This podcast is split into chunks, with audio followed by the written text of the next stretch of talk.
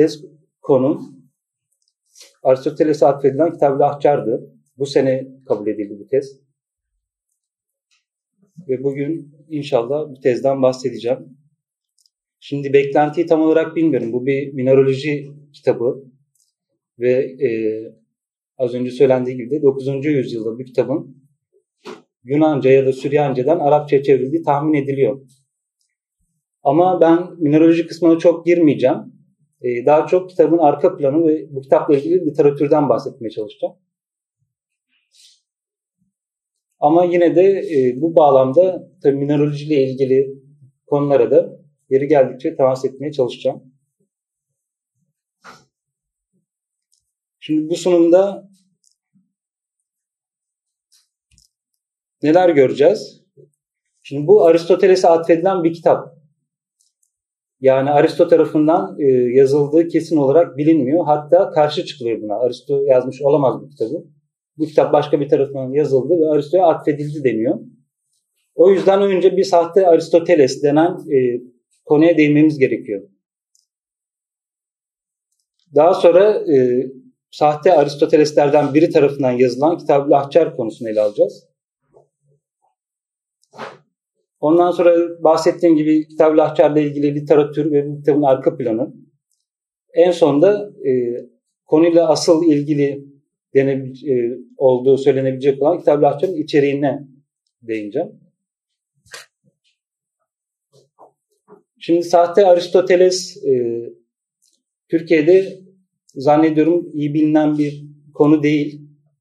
O yüzden e, sormak istiyorum acaba buradaki katılımcılardan e, sahte Aristoteles tarafından yazıldığını e, bildiği kitaplar var mı diye. Hiç e, rastladınız mı? Yani Türkçe çevrilen benim bildiğim en az bir kitap var mesela. Sahte Aristoteles tarafından yazılmış olan. Şimdi e, Evren Üstüne diye bir kitap mesela. Türkçe'ye çevrildi. Bu kitap aslında sahte Aristoteles'in kitabıdır. Ama Aristoteles yazıyor kitabın kapağında. Onun sahte Aristo olduğu kitabın içinde açıklanıyor. Sahte Aristo yazmıyor kapakta doğal olarak. Çünkü bu kitap yüzyıllarca Ariston olarak kabul edildi. Yani bu kitabın Aristo değil de başka bir tarafından yazıldığı yeni anlaşıldı. Belki bir ya da 200 yıllık bir tarihi var.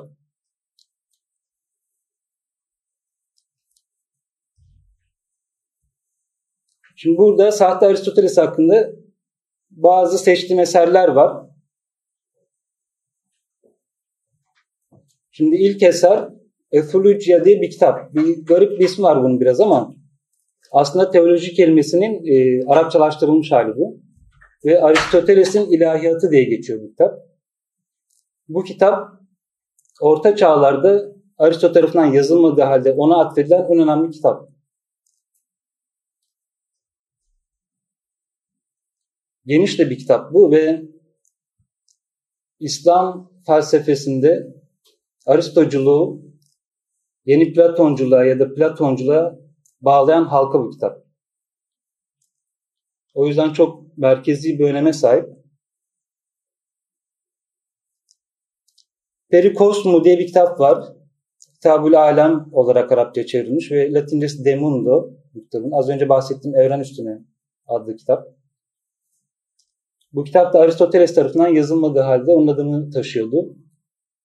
Şimdi Aristoteles hakkında yazılmadığının söylenmesinin sebebi ya da Aristo'nun yazmadığının anlaşılması nasıl oldu?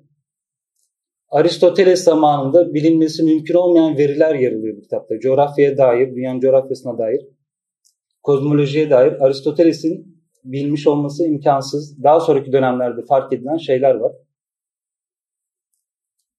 Sırrul Esrar diye başka bir kitap var. Sırların sırrı anlamında. Bu kitap 9. E, yüzyılda ünlü Süryani mütercimlerden Ebu Yahya İbn el-Batrik tarafından çevrildi. Daha sonra Latince'ye çevrildi bu kitap. Tam yüzyılını bilmiyorum ama 10 ile 13. yüzyıllar arasında olmalı. Bu kitapta ilmi firase denen bir şey var. Ee, İslam medeniyetinde ya da İslam bilim tarihinde. Fizyognomi de deniyor buna. Yani insanların e, yüzlerinden ya da işte vücutlarındaki oranlardan yola çıkarak onların karakteri hakkında tahlil yapmak demek. En önemli kısımlarından biri Sırrül Esra'nın fizyognomi hakkındaki bölüm, infrası hakkındaki bölüm ve bu kitap görünüşte Aristo tarafından Doğu seferine çıkmış olan İskender'e yazılmış bir mektup şekline sahip. Ona tavsiyelerde bulunuyor, siyasi tavsiyelerde bulunuyor, askeri tavsiyelerde bulunuyor. Ve yer yerde kısa kısa bazı konulara değiniyor. Bunlardan bir tanesi ilmi firase, coğrafya konularına değiniyor. Dünyanın şekli, coğrafyası hakkında şeylerden bahsediyor. Kitab-ı Nebat diye bir kitap var. Bu kitap e, yalnızca Arapçası kalan, çevrildiği işte metin günümüze ulaşmayan bir kitap. Büyük ihtimalle Yunanca'dan çevrildi. Diplomatisa değil de bu kitap Latince'ye çevrildi ve ilginç tarafı modern Yunanca'ya çevrildi. Şimdi antik Yunancası kayboldu kitabın.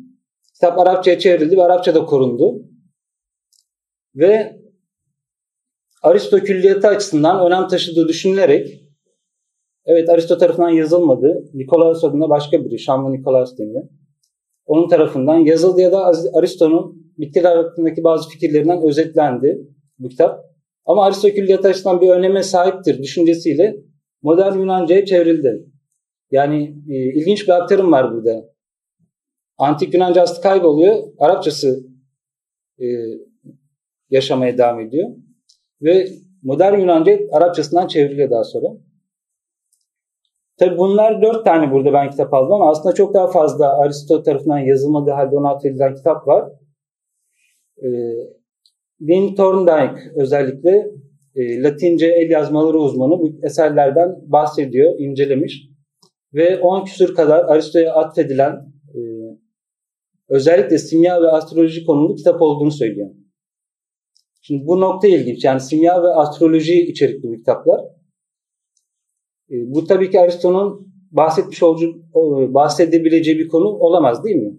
Simya ve astroloji. Çünkü simya daha çok eski Mısır kaynaklı bir disiplin.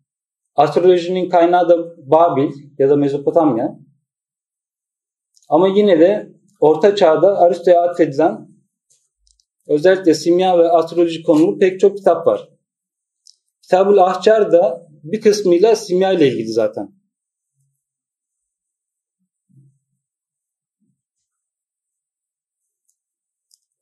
Şimdi bu sahte Aristoteles konusunu şu şekilde ben biraz e, ele almak istiyorum. Bugün Aristo dendiği zaman zihnimizde e, az çok hani tek bir Aristo, tek bir Aristo külliyatı uyanıyordur. Bildiğimiz eserlerde bellidir. En başta metafiziktir Aristo'nun. Fiziktir. Ruh üzerinedir. Bugün Aristo'dan tek bir manzara, tek bir resim var karşımızda. Ama geçmişteki Aristo'yla denk geliyor mu bugünkü Aristo? Birebir uyuyor mu? Birebir denk gelmiyor arkadaşlar. Yani modern dönemin Aristo'su Orta Çağ'ın Aristo'sundan farklı. Hem Hristiyan Orta Çağ'daki Aristo'dan farklı hem de o dönemde Müslüman dünyadaki Aristo'dan farklı. Etholojya bu farka dair en önemli işaretlerden biri mesela. Platoncu fikirler ya da yeni Platoncu fikirler bu kitap vasıtasıyla İslam Aristoculuğuna girdi.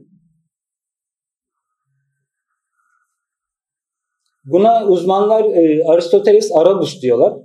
Yani Arapça eserlerde ki Aristo ya da Aristo kitaplarının Arapça çevirisi. Aynı şekilde Aristoteles Latinus da denir. Latince yapılan çeviriler için. Çünkü bunlar birbirine tam denk gelmiyor. Arada farklar var. Bu kitaplar çevrilirken el yazması geleneğinin bir e, ürünü olarak, bir yan etkisi olarak aralara bir şeyler girmiş. Aristo'ya ait olmayan. Ya da bir şeyler çıkarılmış. Ya da karışıklıklar olmuş. Çevirilerde bazen bozukluklar var. Aynı şekilde bir de tabi Aristoteles Graikus, Yunan Aristo. Yani gerçek Aristo. Antik çağda yazmış olan gerçek Aristo ve modernlerin Aristosu var. Biz bugün Kitab-ı Lahçar'ı ya da evren üzerini ya da sırların sırrını Aristo'nun değil, sahte eserler olarak kabul ediyorsak bu her zaman bu şekilde değildi bu kabul. Bu kabul birkaç yüzyıllık bir kabul. Ve modern dönemin Aristo'su ile ilgili bir şey. Modern dönemde Aristo eserleri üzerine yapılan çalışmalarla ortaya çıkmış bir şey. Bunun bunu yapan kişi de Immanuel Becker adında 19. yüzyılda yaşamış bir Alman Aristo uzmanı. Immanuel Becker ilk kez yüzyıllar sonra dedi ki bazı eserler Aristo'nun adını taşıyor ama ona ait değil. Ve tabii kendince bunun da delillerini sergiledi. Ve bugünkü gerçek Aristo'ya ait e, gerçekten ait olan eserlerle Aristo'ya ait olmadığı halde ona atfedilen eserler tasnifini biz Immanuel Becker'e göre yapıyoruz. 19. yüzyılın sonlarında yaptı bu tasnifi. Yani yaklaşık 200 yıla yakın bir tarihi var sahte Aristoteles hakkındaki bilgimizin.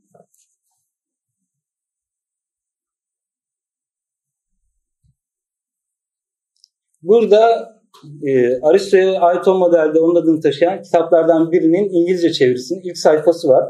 On Plants, e, bitkiler hakkında. Bu kitabın Nebat'ın İngilizce çevirisi olmuş oluyor. Ama bu çeviri tabii Jonathan Barnes'ın e, etörlüğünü yaptığı e, Aristo'nun bütün eserlerinin ikinci cildinde yer alıyor bu çeviri. Arapçadan çevrilmedi. Latinceden yapılmış bir çeviri bu. Burada kaynağını veriliyor. Okunaklı mı bilmiyorum ama şurada çok okunaklı değil. E, Latinceden yapılmış bir çeviri. Ama bu Latince çeviri tabii ki Arapçadan yapıldı. Çünkü bu e, bitkiler hakkında Aristo'ya atfedilen kitabın orijinali yani Yunancası kayıp. Arapça çevirisi e, devam etti. Ve bu Arapça çeviriden daha sonra Latince'ye, Latinceden de İngilizce'ye çevrildi. Burada da Kitabın Nebat'ın, Bitkiler kitabının günümüze ulaşmış tek Arapça nüshası var. Bu nüsha az önceki bu Latinceden yapılmış İngilizce çeviri oldukça yakın içerik olarak ama tam birebir uymuyor. Çünkü muhtemelen İngilizce çevirinin alındığı Latince metin bu Arapça metnin e, Latince çeviri şu Arapça metninden tabii ki yapılmış olamaz. Zaten arada bariz farklar var.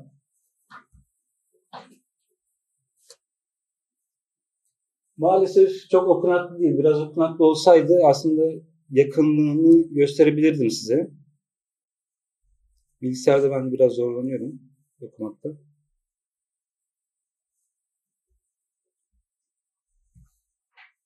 Bu konumuzla doğrudan ilgili değil ama şimdi e, hep konuşuluyor. Aristo'nun sadece Arapçada yaşamış olan kitapları, e, bu kitaplardan Latince yapılan çeviriler, daha sonra bu Latince çevirilerin ulusal modern e, dillere aktarılması. O yüzden bir örnek olması açısından ben yine de e, siz net görebiliyor musunuz bilmiyorum ama oku, okuyayım biraz. E, şimdi kitabın ilk sayfası bu ve İngilizce çeviriden okuyorum. Life is found in animals and plants, but while in animals it is clearly manifest, in plants it is hidden and not evident. Hayat hayvanlarda da bitkilerde de mevcuttur, bulunur. Fakat hayvanlarda açıkça ortaya çıkmışken, açıkça görülürken bitkilerde gizlidir ve aşikar değildir. Şimdi burada da Arapça metin var. Şimdi ilk satırda ennel hayat mevcude fil hayvan ve nebat. Hayat hayvanlarda da bitkilerde de mevcuttur. Gayru enne hayatel hayvan beyinetun zahiratun. Ama hayvanların hayatı e, açık bir şekilde ortaya çıkmıştır. Ve hayaten nebat hafiyetun hamidatun. Ama bitkilerin hayatı gizli ve e, hamida yani gömülü. Hemen algılanamıyor ya da zaten devamında diyor ki e, bir hayat ya da ruha sahip olduğunu anlayabilmek için bitkilerin e, uzun bir araştırma ihtiyaç vardır. E, çok yakın metinler birbirine ama yine de daha sonrasında farklılıklar ortaya çıkıyor.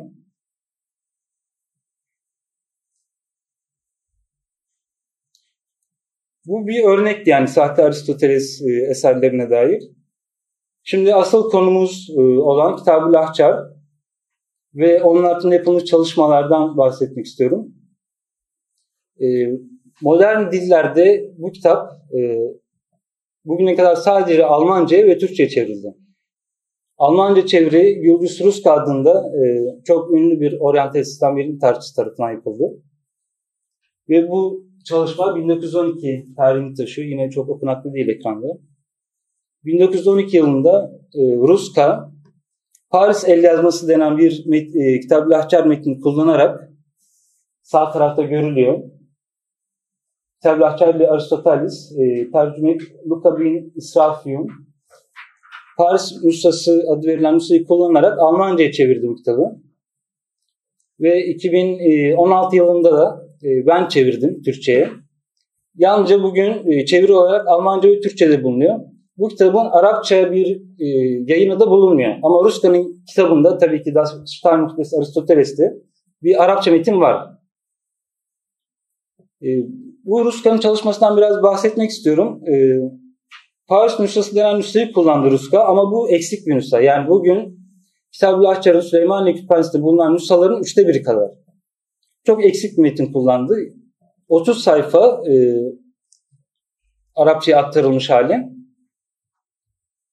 Gerçekte 90-100 sayfalık bir metin söz konusu.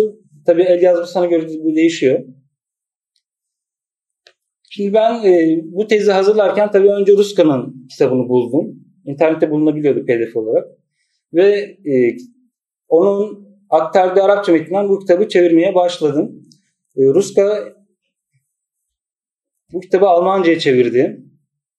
Bu Almanca çevirisinin ilk sayfası. Ve yukarıda e, kitabın asıl metni yaptığı çeviri aşağıda Ruska'nın dipnotları var. Yine çok okunaklı değil ama mesela burada bazı Arapça alıntılar yapıyor Ruska. İrfan Safa'dan yapılan bir alıntı var şurada. Ee, İbranice alıntılar da var. Sayfanın tamamı görünmüyor ekranda.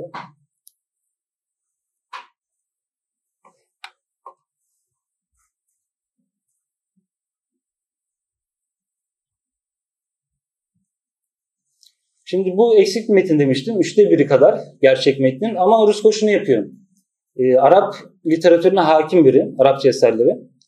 Ve e, bu kitabın içeriğini karşılaştırarak başka eserlerle, taşlar mesela İfan Safa'nın e, e, mineraller hakkındaki kısmıyla karşılaştırarak tamamlıyor metni. Çünkü İfan Safa e, Kitab-ı alıyor zaten bahsettiği bilgileri. Yani e, bir orta çağdaki bir metnin kay, kay, kaybolması, eksik olması o kitabın e, içerisinde yok olması anlamına çoğu zaman gelmiyor. Çünkü birçok kitap bunlardan alıntı yapıyor ve siz iyi takip ederseniz e, eksik bir kitabı tamamlayabilirsiniz. Ruska bunu yapıyor. Arapça eserlerle karşılaştırıyor içeriği ve tam denk gelen yerleri dipnotlarda veriyor. Sonra Latince ve İbranice çevirileri var kitaplaşların. Latince çeviriyi de zaten bu kitapta yayınlamış. Latince kısımlardan da eksik olan yerleri tamamlıyor. Ve İbranice'den de tamamlıyor. Aynı zamanda birbirleri bunları karşılaştırıyor. Edisyon kritik yapıyor bir anlamda. Ve metni tamamlıyor. Yani üçte bir oranında bir metin kullanıyor gerçekte ama hemen hemen e, bugünkü o 90-100 sayfa yaklaşık olduğunu söylediğim metne yakın bir metin elde ediyoruz. Bu çok ilginç. Ve tabii e, Latince ve İbranice bilerek yapıyor bu işi. Bu da tabii İslam bilim tarihi e, çalışmaları açısından bahsetmek istediğim bir konu. İslam bilim tarihinde çalışmak için önce Arapça bilmemiz gerekiyor. E, klasik dil olarak. Arapçanın dışında e, Latince ve Yunanca bilmemiz gerekiyor. Yunancayı, Yunancadan Arapça yapılan çeviriler için bilmemiz lazım. Arapça bir çevirinin ya da Arapça bir kitabın eski Yunan'daki köklerini anlayabilmek için bilmemiz gerekiyor. Latinceyi de Arapçadan Latince'ye 10. ve 13. yüzyıl arasında yapılan çevirileri iyi anlayabilmek için bilmemiz gerekiyor. Mesela değişik, yani geçişkenlikler nasıl, nerelerde değişiklikler var, birebir uyuyor mu, uymuyor mu, terimler nasıl karşılanmış? Bunlara hakim olabilmemiz için İslam bilim tarihi e, araştırmacısı Yunanca, Arapça ve Latince bilmesi gerekiyor. Bazen hatta İbranice bilmesi gerekiyor. Çünkü İbn Rüşd'ün mesela e, kitapları en çok İbranice'ye çevrildi. Latinceden daha çok sayıda çevrildi. Ve e, Avrupa'da 13. 14. yüzyıllarda ortaya çıkan İbn Rüşdçülük, Averroizm denen şeyi bilebilmek için İbranice bilmeliyiz. Bunu araştırabilmek için İbranice bilmemiz gerekiyor. İbn Rüşd'ün hatta bazı kitapları kayboldu, Arapça kitapları. Şerhler özellikle, Aristo'nun kitaplarına yazdığı şerhler. Şimdi bir kısmı kayboldu ama İbraniceleri e, yaşadı. Yani nasıl diyorsak ki işte e, eski Yunan'daki bazı eserler Yunancası kayboldu halde Arapçasıyla yaşamaya devam etti. Aynı şekilde birçok Arapça eserde Arapçası kayboldu halde Latince'de yaşadı. O yüzden bu dillerin bilinmesi gerekiyor. Ruska e, bu anlamda dört başı mamur bir araştırmacı. E, Latince, İbranice ve Yunanca bilen biri. Ama Ruska'nın yaptığı ilginç bir şey. E, bu Almanca'ya çevirirken kitaplaşçıları dipnotlarda evet veriyor farklılıkları, eksik olan yerleri veriyor ama o alıntıları tam birebir çevirmiyor. Sadece özetliyor. İşte şu farklılık var diyor. Daha sonra metni veriyor.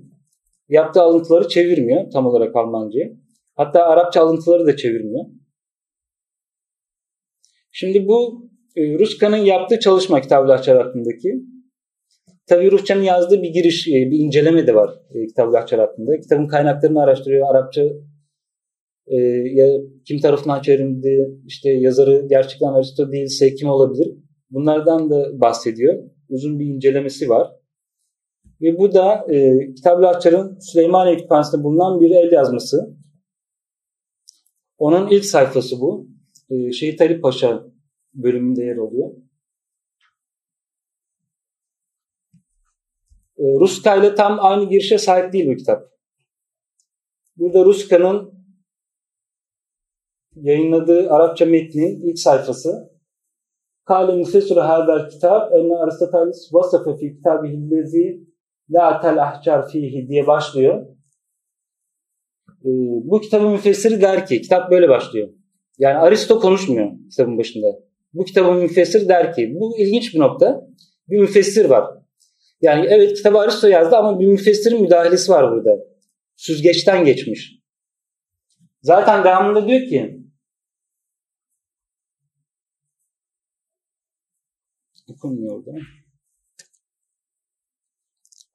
Fenaate seb'umiye hacer minha. Aristo 700 taştan bahsediyor kitapta diyor. Halbuki metinlerde 700 taş yok. Zaten çok uzun bir metin olurdu. 72 tane Paris nüshasında taş var. Aynı şekilde Şehit Ali Paşa nüshasında da 72 tane taş var. 700 taştan bahsediliyor müfessir. Ve devamında kendisinin bu çok uzun ve karışık bir eser olduğu için herkesin anlayamayacağından dolayı Aristo'nun kitabını özetlediğini söylüyor. Yani burada aslında bir işte e, puzzle, bilmecemsi bir durum var. Kitap Aristo'nun adını taşıyor ama ona ait değil. Şimdi kim yazdı sorusu doğuyor burada. E, Luka bin İsrafin tarafından çevrildiği söyleniyor kitabın başında. Tercümetü Luka bin İsrafin diyor. Luka bin İsrafin çevirisi ama Luka bin İsrafin adında bildiğimiz bir tercüman yok tarihte. Yani İbn Ebi Usaybiyan'ın İslam tıp tarihi hakkında yazdığı kitapta bütün Süryanice'den e, çeviri yapan kişilerin isimleri yer alıyor.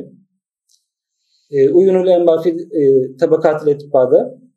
Ama o kitapta Luka İsrafil'in adında bir isim yok. Yani İslam bilim tarihi e, kitaplarında, klasik kitaplarda, biyografilerde böyle bir isim böyle bir isme rastlamıyoruz.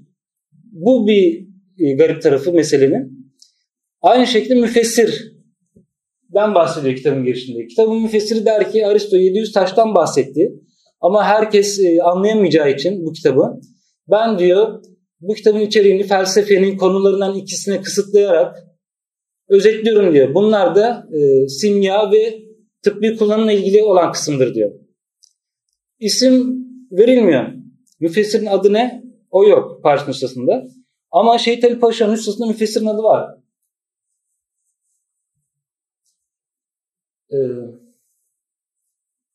Hâzâ kitab-ı muhtasar yezkuru fîh münâfi'el ahçar el hakim el felesuf Aristoteles mimma fessirehu Muhammed ibn Abdülmelik.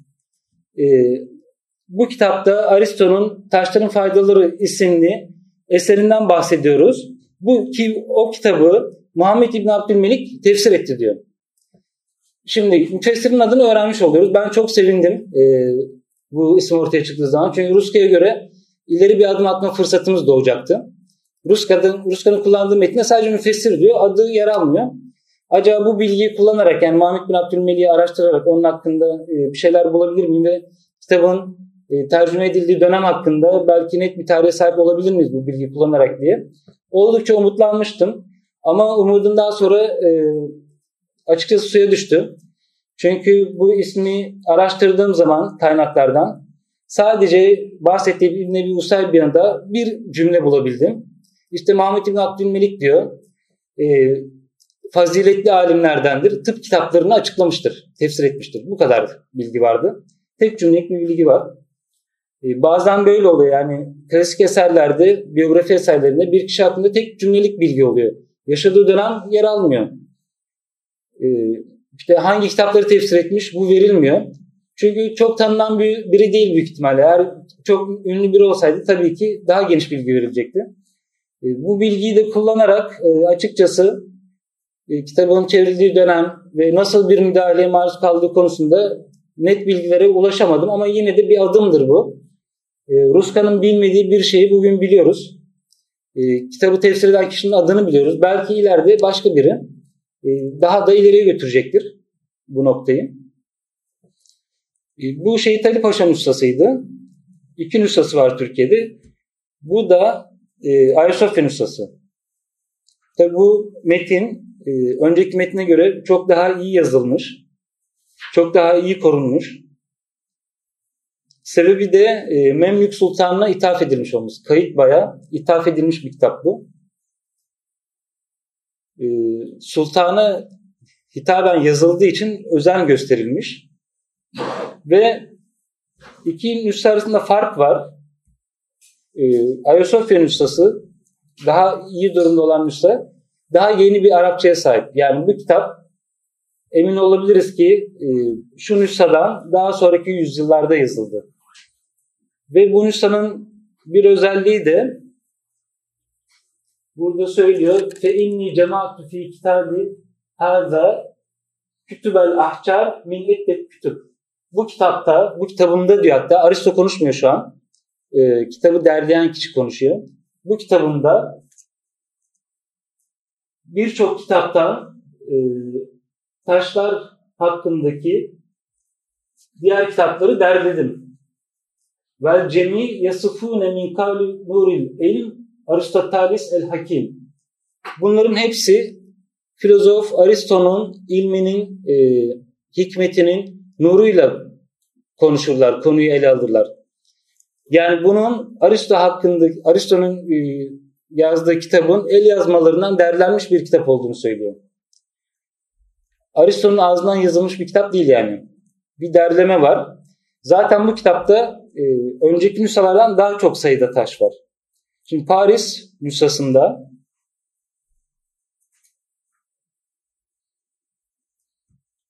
Paris nüshasında Ruska'nın yayınladığı ve Şehit Ali Paşa nüshasında tam 72'şer tane taş var.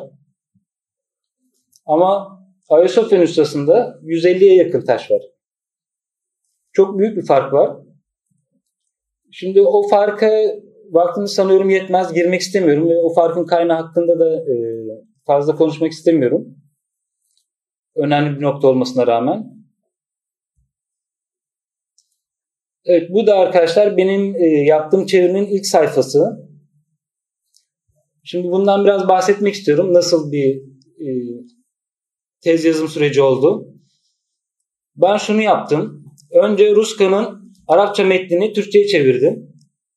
Ve onu asıl metin halinde kullandım. Kitaplaşan asıl metni olarak kullandım. Paris nüshasını.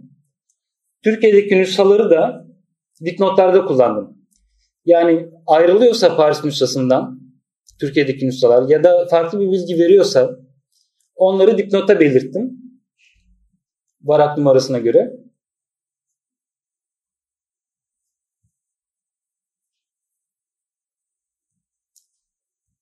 Bu çeviri kısmıydı. Onun dışında şimdi nüshalardaki farkları sayfa altı dipnotlarına belirttim ama Eğer açıklanması gereken bir şey varsa metne dair, bu sol tarafta görülen rakamlar onları gösteriyor. 7 rakam mesela burada açıklanması gereken bir cümle olduğunu gösteriyor. Onları açıklamalar diye ayrı bir kısımda topladım. Ve rakamlara göre onları ele aldım. Mesela müfessir konusunu bir numaralı açıklamada ele aldım. Burada işte kitabın müfessiri der ki diye başlıyor kitap. Orada bir numaralı açıklamada e, bu çeviriden sonra gelen kısmında e, bir numaralı açıklamada müfessir konusunu mesela ele aldım. Daha sonra başka şey işte açıklanması gereken şeyler yaklaşık 50 e, sayfaya yakın bir açıklama kısmı yazdım. Ki Ruska'dan farklı olarak yaptığım şey bu benim. Ruska'da böyle bir yaklaşım yok. Yani Ruska her ne kadar yaptığı çeviriden önce yazdığı girişte, incelemede kitabın kaynaklarını, işte köklerini, başka kitaplarla ortaklıklarını falan ele alıyor olsa da böyle yorum denebilecek seviyede bir şey sergilemiyor. Çalışma sergilemiyor. Ama ben kitabı yorumlamaya çalıştım. Kitabın içeriğini başka eserlerle daha derinlemesine karşılaştırmaya çalıştım. Ve bir açıklamalar kısmı yazdım.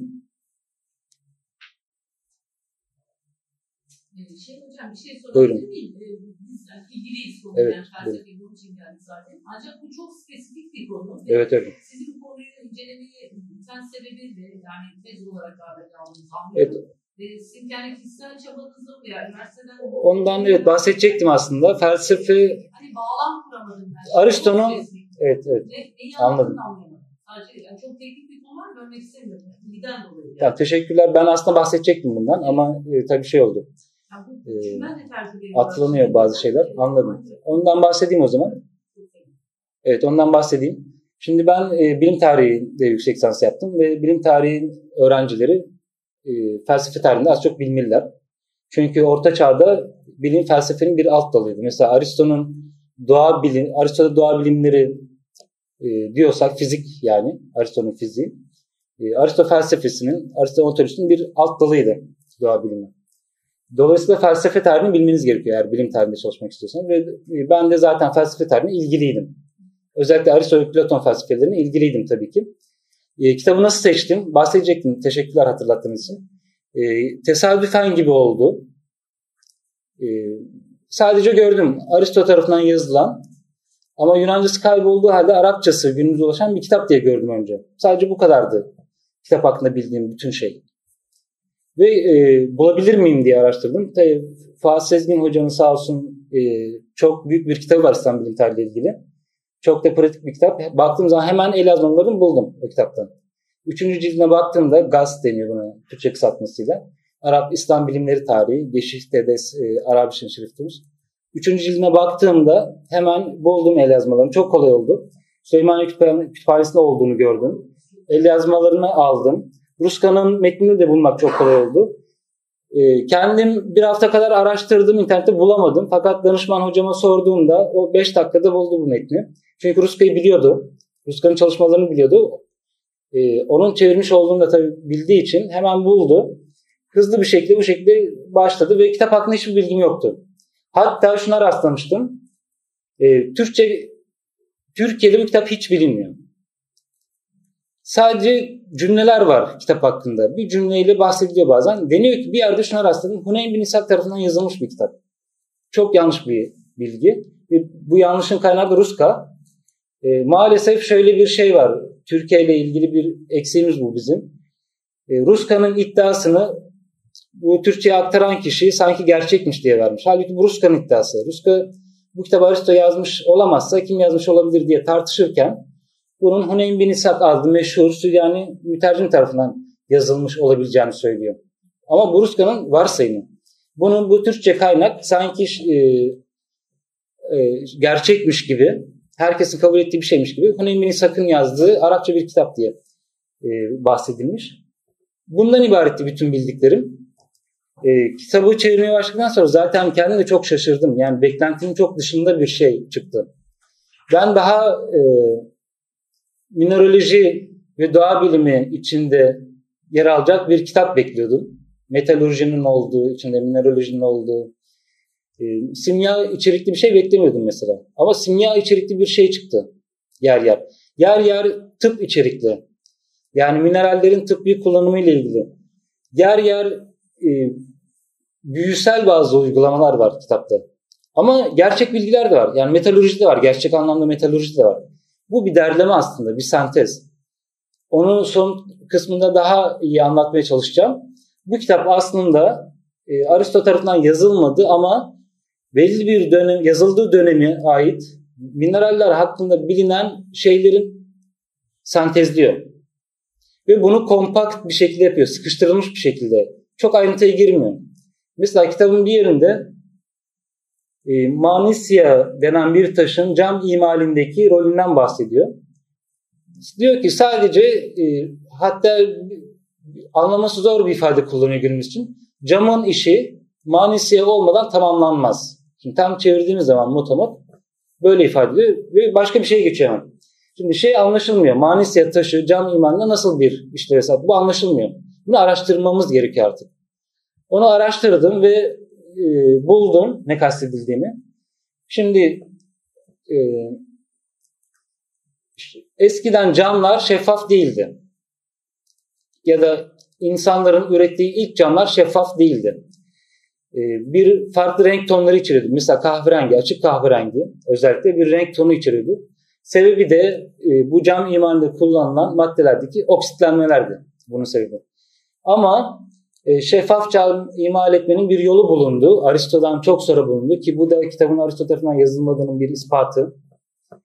Çok teknik bir şey olduğu için bahsetmeyecektim aslında bundan. Ama sonraki yüzyıllarda bir yöntem bulundu ve bu yöntem Orta Çağ'da çok yaygınlaştı.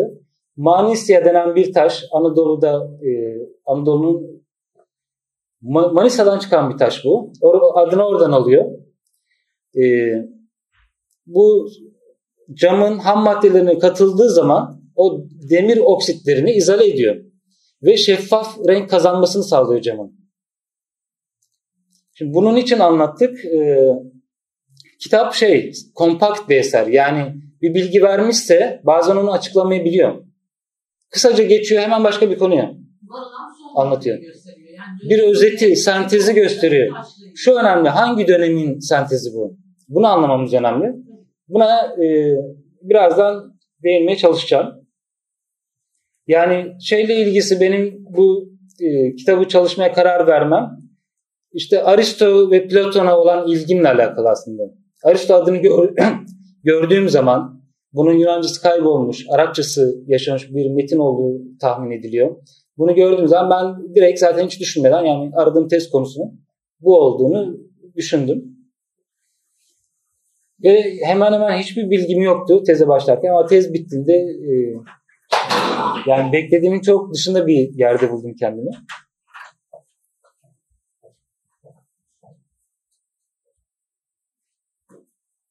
Şimdi Kitab-ı Lahçar hakkında yapılan çalışmalar yani e, Ruska'nın ve benim yaptığım şeyler e, kısaca bu şekilde. Şimdi Kitab-ı Lahçar ile ilgili literatürden bahsetmek istiyorum. Literatürden kastım da hem Kitab-ı Lahçar'a kaynak olan metinler hem de Kitab-ı Lahçar'daki yaklaşımlara, bakış açılarına kaynak olan teoriler. Şimdi Orfeus Samali'den Litika adlı bir kitap var öncelikle. Orfeus'u duydunuz mu? Bilmiyorum bunu sormak istiyorum. Evet. Ne biliyorsunuz? Matrix'teki üçüncü kişi. Ama Filmde. Yunan mitolojisinden alınmış bir isim. Evet. Ee, Morpheus'la karıştırıyorsun olabilir misiniz? Evet. Morpheus da Latin mitoloji, pardon o da Yunan mitolojisinden. Morpheus da onun adı. Orpheus, Morpheus şekil demek aslında Yunanca'da. Morfoloji gibi. Morfoloji gibi e, tam çıkartamadım şu an bağlamını Morpheus ama zaten konumuzla ilgili değil. Orpheus da Yunan mitolojisinde bir müzisyen. Efsanevi bir müzisyen. Liri çok ünlüdür. Orpheus'un liri. Ee, bazen rastlayabilirsiniz. Bu Yunan mitolojisinin işleniyor hani biliyorsunuz. Ee, sinemada işlenebiliyor. Ben birkaç kez denk gelmiştim Orpheus'un işlendiğine. Efsanevi bir müzisyen Orpheus. Litika adında Litika taşlarla ilgili kitap demek. Ee, bir kitap var. Ama Orpheus tarihi bir şahsiyet değil. Yani ne zaman yaşadığını bilmiyoruz. Yunan mitolojisine geçiyor sadece. Yani şu ilginç. E, neden bir müzisyene mineraloji adlı bir kitap atfedilmiş? Çok garip. Bunu ben şey yapamadım. Anlam veremedim. E, tezi yazarken bir efsane var Orfeus hakkında. Lirini çaldığı zaman e, sadece insanları değil taşları da etkilediği yaptığı müziğin taşların taşlar hareket ettirebildiği söyleniyor Yunan mitolojisinde. E, bitkileri hatta hareket ettirebiliyormuş yaptığı müzikte ve hayvanlar etrafında toplanıyormuş Orfeus'un. Bu çok ünlü bir şeydir aslında. Farabi hakkında da anlatılır böyle bir hikaye. Bir, tabii bu şey kısmını daha rasyonel bir şekilde anlatıyor ama işte Farabi bir mecliste gidiyor. Kanunun mucidi sayılır biliyorsunuz Farabi. Tabii bu şey bir bilgi değil. Yani tarihsel bir bilgi değil. Bu aslında mecazi bir şey var burada. Bu da garip bir şey. Hatta e, Keşf-i Zunun'da Katip Çelebi bundan bahsediyor. Katip Çelebi organon diyor. Biliyorsun kanun kelimesi organon kelimesinden gelme. Bu çok garip bir şey. E, Farabi Aristo mantığını İslam dünyasında en geniş kapsamlı araştıran ilk kişiydi. Ve Aristo'nun mantık kitapları organon adını taşıyor. Yunanca'da.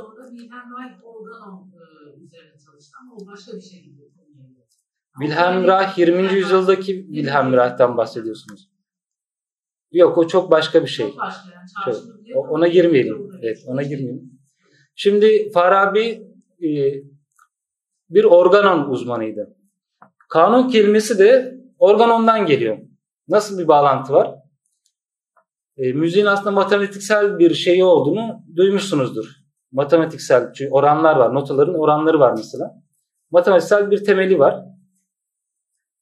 E, ve bu şey üzerinden bir kanun yani bir şey var. Bu müzik böyle e, aslında doğaçlamadır. Hani yetenek kabiliyet meselesidir ama o müzikle ifade edilen şeyin bir temeli vardır sonuçta. Nasıl Aristo'nun organonu, Aristo felsefesinin temeli ise müziğin de işte bir şeyi vardır ve kanun kanun bir enstrüman olarak nasıl bir bağlantısı bilmiyorum ama kanun adının organından gelmiş olması işte bir şey yani bu e, tesadüfi değil. Bu seslerin uyumu, birbiriyle olan uyumu, akışı tesadüfi değil. Bir şey var, bir mantık, bunun arkasında bir temel var. Böyle bir bağlantı var. Ama bu daha sonra bir karışıklığa yol açmış. Ve işte e, Farabi kanunun mucididir diye yansımış. Ama şu da var, Farabi'nin müzik hakkında kitapları da var. Yani tamamen uydurma bir şey değil. Bir, bir bağlantı yok burada. Me- tamamen mecaz değil. Farabi'nin müzik hakkında kitapları da. Şimdi e, Orfeus'a dönecek olursak böyle bir şey az çok düşünmüştüm aslında. Ama tezi e, teslim ettikten sonra asıl nedeni anladım. E, çünkü başka bir efsane Orfeus hakkındaki. Orfeus'un e, karısı ölüyor ve tabii şey çok üzülüyor bundan dolayı mucizevi de bir müzisyen kendisi. Yer altına inme izni istiyor. Yani ölüler diyarına inme izni istiyor tanrılardan. Ve kabul ediyorlar ama bir şart koşuyor tanrılar buna. Yeryüzüne çıkarken diyor e, sen önde olacaksın, eşin arkada olacak ve asla geriye bakmayacaksın diye bir şart koşuluyor. İşte Orfeus e, karısını ölüler diyarından çıkartıyor yer altından ve yeryüzüne çıkarlarken tam yeryüzüne geldiği anda bir kuşku düşüyor içinde. Acaba hala arkasında mı diye eşi. Kendisini takip ediyor mu diye. Ve dayanamayıp arkasına bakıyor. E, tabii şartı çiğnemiş oluyor. O yüzden e, ebediyen Orfeus da ölene kadar yani eşinden ayrılmış oluyor. E, böyle bir mit var Orfeus hakkında. Ve e, Orfeus'a taşlar konulu bir kitap mal edilmesi sebebi bence bu e, mit. Çünkü mineraller yer altında e, bulunuyor ve yer altından çıkartılıyor. Orpheus yer altına yolculuk etmişse, yer altındaki ölüler diyarına yolculuk etmişse, evet mineralleri de görmüş olmalı. Nasıl oluştuklarına belki şahit olmuş olmalı diye Orpheus'a bir kitap mal edilmiş. Bakın şu an mineraloji düzleminde değiliz. Tamamen kozmolojik düzlemdeyiz. Yani fizik düzleminde şu an konuşmuyoruz. Daha geniş, daha mecazi bir bağlam var burada. Yer altında bir ölüler diyar var. Aynı zamanda mineraller var yer altında. Bu çok güçlü bir şeydir, motiftir mitolojide. Türk mitolojisinde de var bu. Ee, mesela Türkler, eski Türkler demircilik de meşhurdur. Ve şamanların mesleğidir demircilik. Yani şamanlar demircilik yapar. Ve şamanların e, yete, en önemli yeteneklerinden biri e, gökyüzüne yolculuk edebilir ya da yer altına inebilir şamanlar. Yani burada kozmoloji konuşuyoruz şu an. Bu artık fizik değil yani. Böyle bir geçiş var. Kitab-ı bu çok yoğun olarak var. Yani kozmolojik bir şeyden bahsediyor? Yoksa fiziksel düzlemde mi konuşuyor? O net belli olmuyor. Ya da ikisini birden kastediyor bazen. Ona tekrar bir konu bağlamında dönmeye çalışacağım. Bu kozmolojiden, daha doğrusu fizikten kozmolojiye geçiş ya da kozmolojiden fiziğe geçiş. E, şimdi o Litika şiir halinde yazılmış bir kitap. Müzisyen olduğuna göre Orpheus şiir halinde yazılmış. E, düz yazı olarak yazılmış Damigeron adlı bir eski Yunan yazarının De Lapidus adlı taşlar üzerine diye bir kitabı var. De Lapidus Yunanca bir, özür dilerim Latince bir ifade. Şimdi Orpheus'la e, Damigeron'un kitaplarından alıntılar var Kitab-ı Lahçar'da. Onlara girmeyeceğim. E, Kitab-ı Lahçar'a kaynaklık eden yine e, Physiologus denen çok ilginç bir kitap var. Bu Yunanca ve Süryancesiyle günümüze ulaşmış bir kitap. Yunanca metin e, didaktik bir eser. Bu şöyle bir kitap. Kazvi'nin acayip mahlukatına benziyor. E, mineraller, bitkiler ve hayvanlar ele alınıyor bu kitapta. Didaktik bir kitap. Ahlaki dersler veriyor. İşte bir bitkiden bahsediyor. Bir bitkinin özelliğinden ondan bir ahlak dersi çıkartıyor. Ya da hay- bir hayvanın özelliğinden bahsediyor. Ondan bir ahlak dersi çıkartıyor.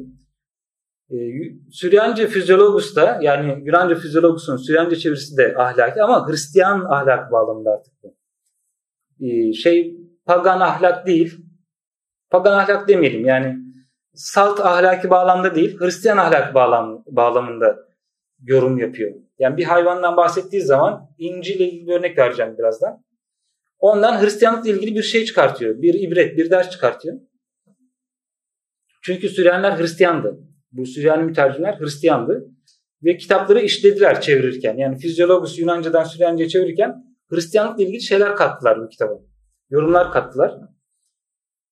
E, kaynaklık eden kitaplar bir diğer eser Gerçek Aristo'nun e, meteorolojisinin bir bölümü. E, dört kitaptan oluşuyor meteoroloji.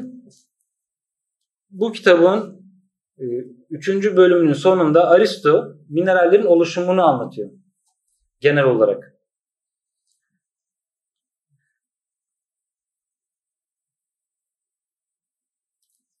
Çok kısaca onu anlatayım. Aristo'nun bir teorisi var. Mineraller nasıl oluşur? Genel olarak bütün o inorganik maddeler nasıl oluşur? Çok e, ilginç, garip bir şey söylüyor Aristo. Dediğine göre e, güneş ısısı, dünya, güneşin dünyaya ulaşan ısısı nedeniyle yeryüzünde iki çeşit tütme meydana geliyor. Birisi yer altından kaynaklanıyor. Güneş ısısı buharları ısıtıyor yerin altındaki ve bu buharlar yeryüzüne doğru tütüyor. Diğeri de dünyanın tamamından kaynaklanıyor. Dünyanın bütünsel kütlesinden bir e, tütme meydana geliyor. Ve buna Aristo ıslak ve kuru tütme adlarını veriyor.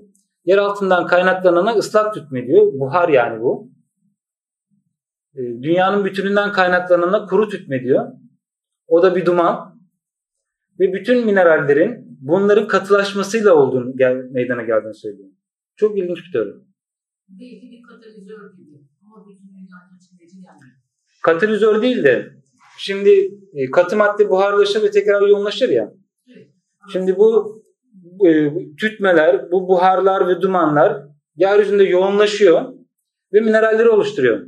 Islak tütme metalleri oluşturuyor. Çünkü su yapısında metaller ateşte eriyebiliyor. Bir su tabiatı gösteriyor, sergiliyor. Analoji aslında bu. Kıyas yapıyor işte. Yani şöyle düşünüyor. Metaller eriyebiliyorsa ateşte demek ki su nasıl eriyorsa buz halindeyken eriyip su haline geliyorsa bir şey var. Ana, kıyas var arada. Analoji var.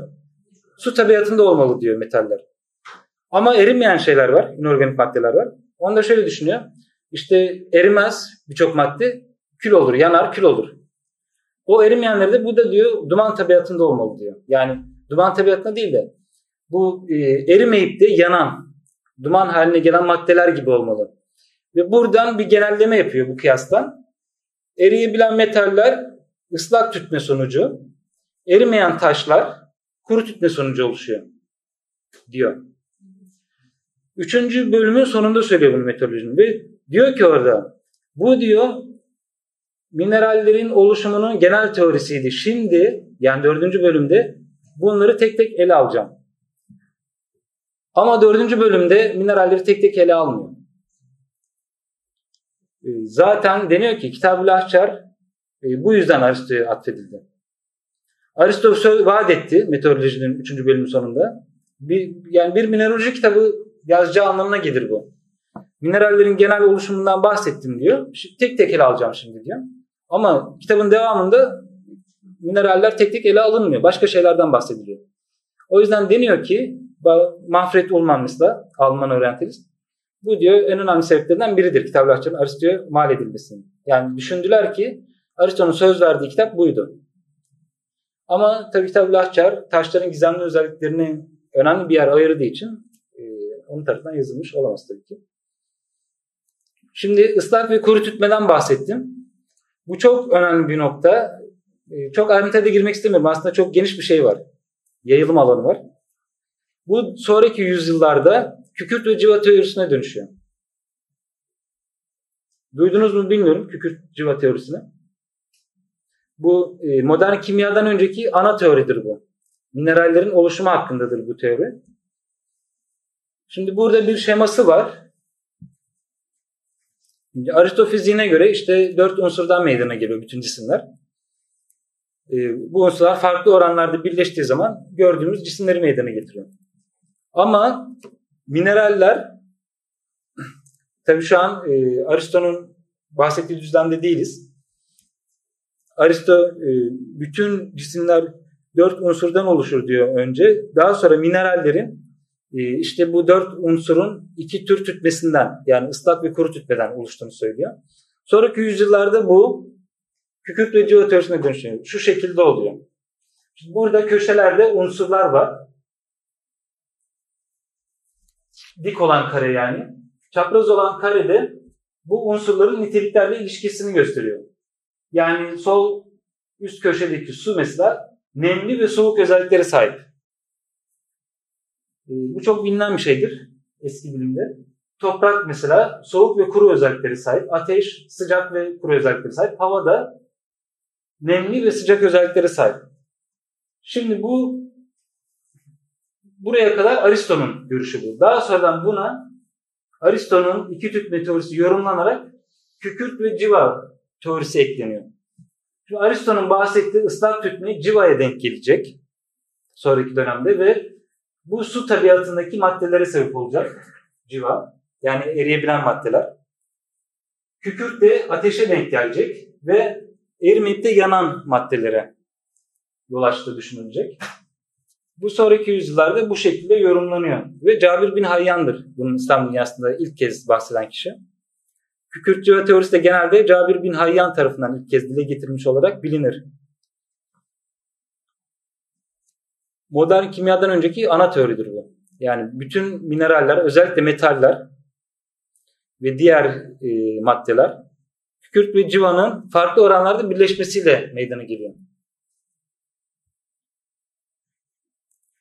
Mesela altın, e, kükürt ve civa çok dengeli bir şekilde birleşmişse birbiriyle altın meydana geliyor.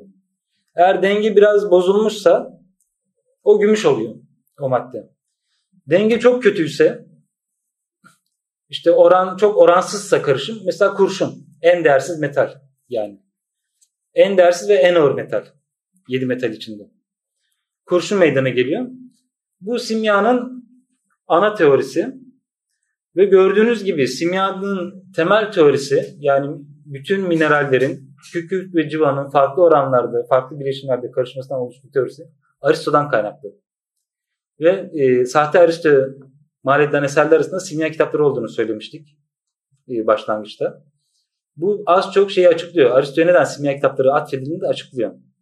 Zaten Lynn Thorndike buna özellikle vurgu yapıyor meteorolojinin 3. kitabının sonunun e, simyayı teşvik ettiğini söylüyor Thorndike. E, yani ben şaşırmıştım bunu, Thorndike'da hani bunu gördüğüm zaman. Ama hani o kısma baktığım zaman gerçekten de bu ıslak ve kuru tütmenin Aristo'nun bahsettiği sonraki yüzyıllarda simyada kült ve civa teorisine dönüştüğü görünce e, doğru olduğunu fark ettim bunun. Islak ve kuru tütme konusu e, çok ilginç bir konu. E, bahsedeyim. Aslında bahsetmeyecektim ama. E, kozmolojik bir şey aslında temeli sahip. Yani Aristo orada bilimsel bir teoriden bahsediyor gibi görünüyor ama büyük ihtimalle Aristo bunu kozmolojik başka teorilerden aldı. E, nasıl karşılarsınız bilmiyorum ama mesela önce şeyden örnek vereyim. Tekvinden, eski Tevrat'ın tekvin bölümü. Orada yaratılış anlatılırken tekvinde e, şimdi önce dünyayı yaratıyor Tanrı. Ama dünya boş. Hiçbir canlı yok dünyada. O canlıların ortaya çıkışından bahsederken yerden bir buğu yükseldiğini söylüyor. Bir buğu yükseldi ve suladı diyor yeryüzünü. Dünyanın yüzeyini suladı. Ve ondan sonra bitkiler ve diğer canlı şeyler meydana geliyor. İfade bu şekilde ama yani e, motamot çevirisi bir buğunun yükselip yer altından yeryüzünü suladığı şeklinde. Bu tabi buna da bilimsel bir şey gözüyle bakamayız. Bu da kozmolojik bir ifade şekli. Ya yani bunun e, cismani olarak alıp direkt günümüzdeki günümüz bilimin bakış açısıyla alıp yorumlayamayız bu cümleyi. Yani yerden bir bu yükseliyor, suluyor yeryüzünü ve hayat elverişli hale getiriyor dünyayı.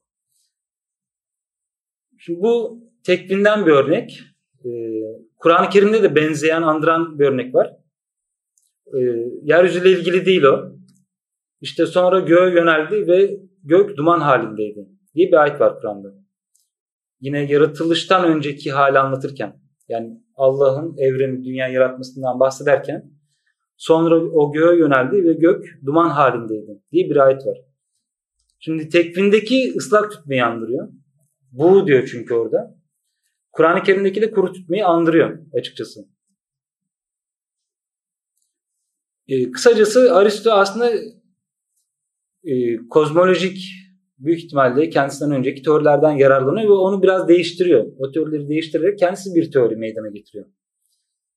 E, şimdi e, eski Yunanlıların özellikle Aristo ve Platon'un Doğulularla ilişkisi iyi bilinmiyor. Hani İskender Seferi'nden dolayı birçok bilginin gittiği biliniyor Yunanistan'a. Mesela Hindistan'dan birçok şey gitti. Bilgi gitti. İskender'in geçtiği bütün güzergah. Ee, doğuda Yunanistan'a e, pardon Hindistan'a kadar gitti İskender. Batıda Cebeli Tarık'a kadar gitti. Kuzey Afrika'dan. Cebeli Tarık'a kadar bütün bu güzergahtan geçti. Ve İskender e, şimdi İskender hikayeleri de var Kitab-ı ama onlara giremeyeceğiz. E, şunu söyleyeyim. İskender hikayelerinde genelde çok böyle inanılmaz masal havasında olağanüstü şeylerden bahsediliyor. İşte cinlerden bahsediliyor. Cinlerin koruduğu e, hazineler. O tür şeyler var. İnandırıcı değil, çocuksu ve masalsı. O yüzden İskender hikayeleri İskender seferini çok yanlış aksettiriyor. Gerçekte çok muazzam bir olay İskender seferi tarihte. Ve e, gelişi güzel bir hareket değil, çok bilinçli planlanmış bir şey bilimsel bir şey var İskender'in seferinde. Arka planı var. Şimdi İskender Aristo'nun öğrencisiydi ve dersler aldığını biliyoruz Aristo'dan. Ne tür dersler aldığını bilmiyoruz tabii ki. Bazıları ama diyor ki Aristo'dan dersler alan sadece İskender değildi. İskender'in seferine katılan o kurmay tabaka diyelim. Bütün etrafındaki belli başlı şahsiyetler Aristo'dan dersler aldı ve hazırlandılar Doğu seferine. Niçin böyle bir hazırlık yaptılar? Baş, Doğu seferine çıkıldığında bu kişiler ve görevler verildi. Bazı kişiler mesela botanik konularını kaydetti. Gittikleri bölgedeki bitkileri kaydettiler. Topladılar onları hatta yolladılar Yunanistan'a. Örnekler yolladılar. Bunları biliyoruz. Hindistan'da yetişen birçok bitki hem e, Hindistan kaynaklı daha doğrusu birçok bitki doğuya İskender Seferi sırasında gitti. Yani o bitkileri Yunanistan'a yolladılar. Yetiştirdiler Yunanistan ve ona bağlı bölgelerde ve kaydettiler. Her şeyi kaydettiler. Hem bitkileri kaydettiler, bitkiler hakkındaki rivayetleri kaydettiler. Ulaştıkları her şeyi. Ama bu faaliyetin ayrıntılarına sahip değil. Sadece bunların yapıldığını biliyoruz. İsim isim de biliyoruz. Yani botanik kayıtlarını kim tuttu? Bunlar biliniyor ismen. Kimileri zooloji konularını kaydetti. Kimileri sadece işte e, folklorik konuları kaydetti. Çünkü insanlarla orada görüşüldü. Yani İskender Hindistan'a gittiği zaman Hint bilgeleriyle görüşüyor. Onlara sor, sorduğu sorular var mesela İskender'in. Bunların hepsi kaydedildi. Ve bu bilgiler Yunanistan'a taşındı. Bunu şunun için demiyorum. Yani Yunanistan'da hiçbir şey bilinmiyordu. İskender Seferi'nden sonra Doğu'nun bütün bilgisine kondular. Bu anlama gelmiyor. Yunanistan zaten zirvesindeydi İskender zamanında. Medeniyetinin, kendi medeniyetinin doruk noktasındaydı. Aristo zamanına denk geliyor bu. Ve İskender Seferi sebeplerine dair farklı yorumlar var İskender Seferi'nin. İşte İran işgalinin intikamı için yapıldığı söyleniyor. Yani popüler açıklaması böyle Doğu Seferi'nin, İskender'in Seferi'nin. Gerçekte e, çok daha başka bir olay. İran Seferi'nin intikamı olarak yani görülemez sadece. E, dediğim gibi yani Aristo'da zirvesine ulaşmış bir Yunan bilimi, felsefesi ve medeniyeti var. Bir patlama noktası aslında İskender Seferi bunun. Yani kendi bilincine varmış, kendi gücünü fark etmiş Yunan medeniyetinin Makedon askeri gücüyle bir yayılması bu. Ve bu yayılma sırasında çok bilinçli bir şekilde hareket ediyor. Yani e, bunun hem bilimsel bir tarafı var İskender Seferi'nin, dini tarafları var. Çok İskender'in izlediği çok di, ilginç dini politikalar var ele geçirdiği bölgelerde. O davranış şekilleri var. Yani çünkü halkı ele geçiren bir bölgede halkı e, çekmenin, halka e, yaptığın şeyi onaylatmanın ya da karşı çıkmalarını önlemenin en şey yolu, en kolay yolu ya da en önemli yolu o halkın inançlarından geçer. İskender'in izlediği dini bir politika var bu seferler sırasında. Bilimsel bir politika var. Ee, ama bu İskender hikayeleri maalesef çok yanlış aksettiriyor bunları. Tamamen böyle masal havasında aksettiriyor. Ve tabii ki bu seferler sırasında Hindistan'dan ya da e, Kuzey Afrika'dan, Yakın Doğu'dan, Doğu Akdeniz'den birçok bilgi Yunanistan'a gitti.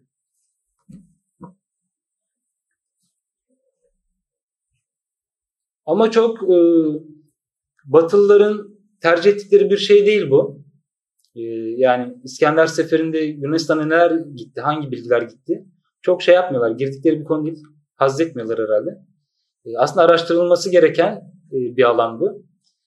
E, eminim yani tek tek belirlenebilir hangi bitkilerin gittiği o seferde, hangi hayvanlar hakkındaki bilgilerin gittiği, e, dinler arasındaki etkileşim nasıl olduğu, eski Yunan diniyle e, ya da eski Yunan kültleriyle ki Dionizosçuluktur en önemlisi İskender için. E, İskender'in işgal ettiği bölgelerdeki dinler arasındaki etkileşimin ne olduğu tespit edilebilir tek tek. E, bu doğullara düşüyor daha çok bunu yapmak. Çünkü buna maruz kalan insanlar doğulular ama Yunan eski Batı medeniyetinin bir kökü, en eski kökü. O yüzden hani Batılılar çok şey yapmıyorlar, bu konudan haz etmiyorlar. Yani İskender işte ya da eski Yunan medeniyeti hangi anlamda kazançlı çıktı Doğu Seferi'nden, bilimsel anlamda neler kazandırdı eski Yunan medeniyetine buna çok girmek istemiyorlar. Şeyi sorabilir miyim? Yani evet. deri kaydı yapabilecek kadar geniş zamanları var mıydı? Çok kanlı, bütün Türkiye'nin için alan bir sefer değil, savaş yani İskender'in geçişi. Yani çok tozu dumana katarak geçmiş bir adam o kadar. Hızlı, evet çok hızlı gerçekleşiyor, haklısınız. 30 küsur yaşında ölüyor yani Babil'de. Çok hızlı gerçekleşiyor ama e, şey olmuyor. Zaten bütün ordu tek parça hareket etmiyor. Geride bırakıyor çoğunu. Yani bir bölge ele geçirdiği zaman e, ordunun bir kısmını bazen geride bırakıyor. Çünkü şehirler, İskender'in kurduğu şehirler var biliyorsunuz. Onlarca şehir var İskender'in kurduğu. Onları geride bırakıyor. Eski Yunanları. Yani e, bazen mesela eski Yunanlı askerlerin şeyi yasaklıyor. Ele geçilen bir bölgede yerleşmesini yasaklıyor bazen. Ama bazen izin veriyor. E, bunlar araştırılması gereken konular. Niçin bazı yerlerde yasaklıyor? Halkla temasını kesinlikle yasaklıyor. Özellikle askerlerin evlenmesini yasaklıyor ele geçirilen bölgelerde. Ki şeyde bundan bahsediliyor. E, sahte Aristoteles'in eserlerinde mesela Sürül Esrar'da e, Aristo'nun İskender'e yazdığı mektup şeklinde olan Sürül Esrar'da bundan bahsediliyor. Aristo uyarıyor mesela bazen askerlerin e, o bölgedeki kadınlarla ele geçiren bölgedeki kadınlarla evlenmesine izin verme diyor. Ama bazen izin veriyor buna ve Yunan medeniyetiyle o bölgenin kaynaşmasını sağlıyor buna izin vererek. Burada bir şey politikası var aslında. Bir alan açma politikası var. İskan demeyelim ama bir yerleşik hale getiriyor. Yunan medeniyetiyle Doğu'nun Harez mesela böyle bir bölge.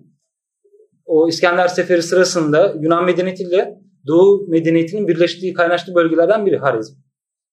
Ee, böyle bir politikası da var. Çok bilinçli bir şekilde planlanarak bu sefer gerçekleştiriliyor. Yani çok gelişi güzel ve hızlı meydana gelmiş gibi görünüyor ama aslında öyle değil.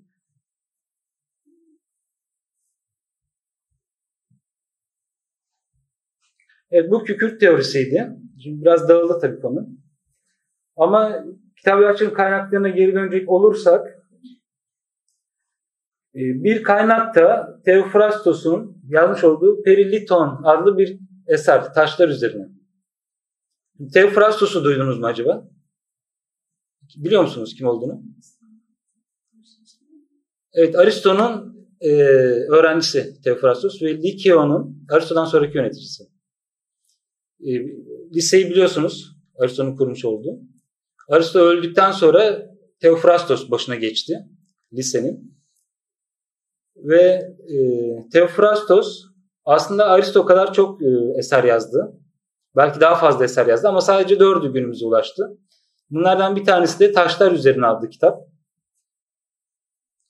Diğer üç kitap Karakterler diye bir kitap. E, Yunan tiyatrosu ile ilgili. E, bitkiler üzerine iki kitap ayrıca. Bir tanesi bitkilerin bitkiler üzerine inceleme adını taşıyor. Diğeri de bitkilerin sebepleri üzerine. Biraz değişik bir adı var.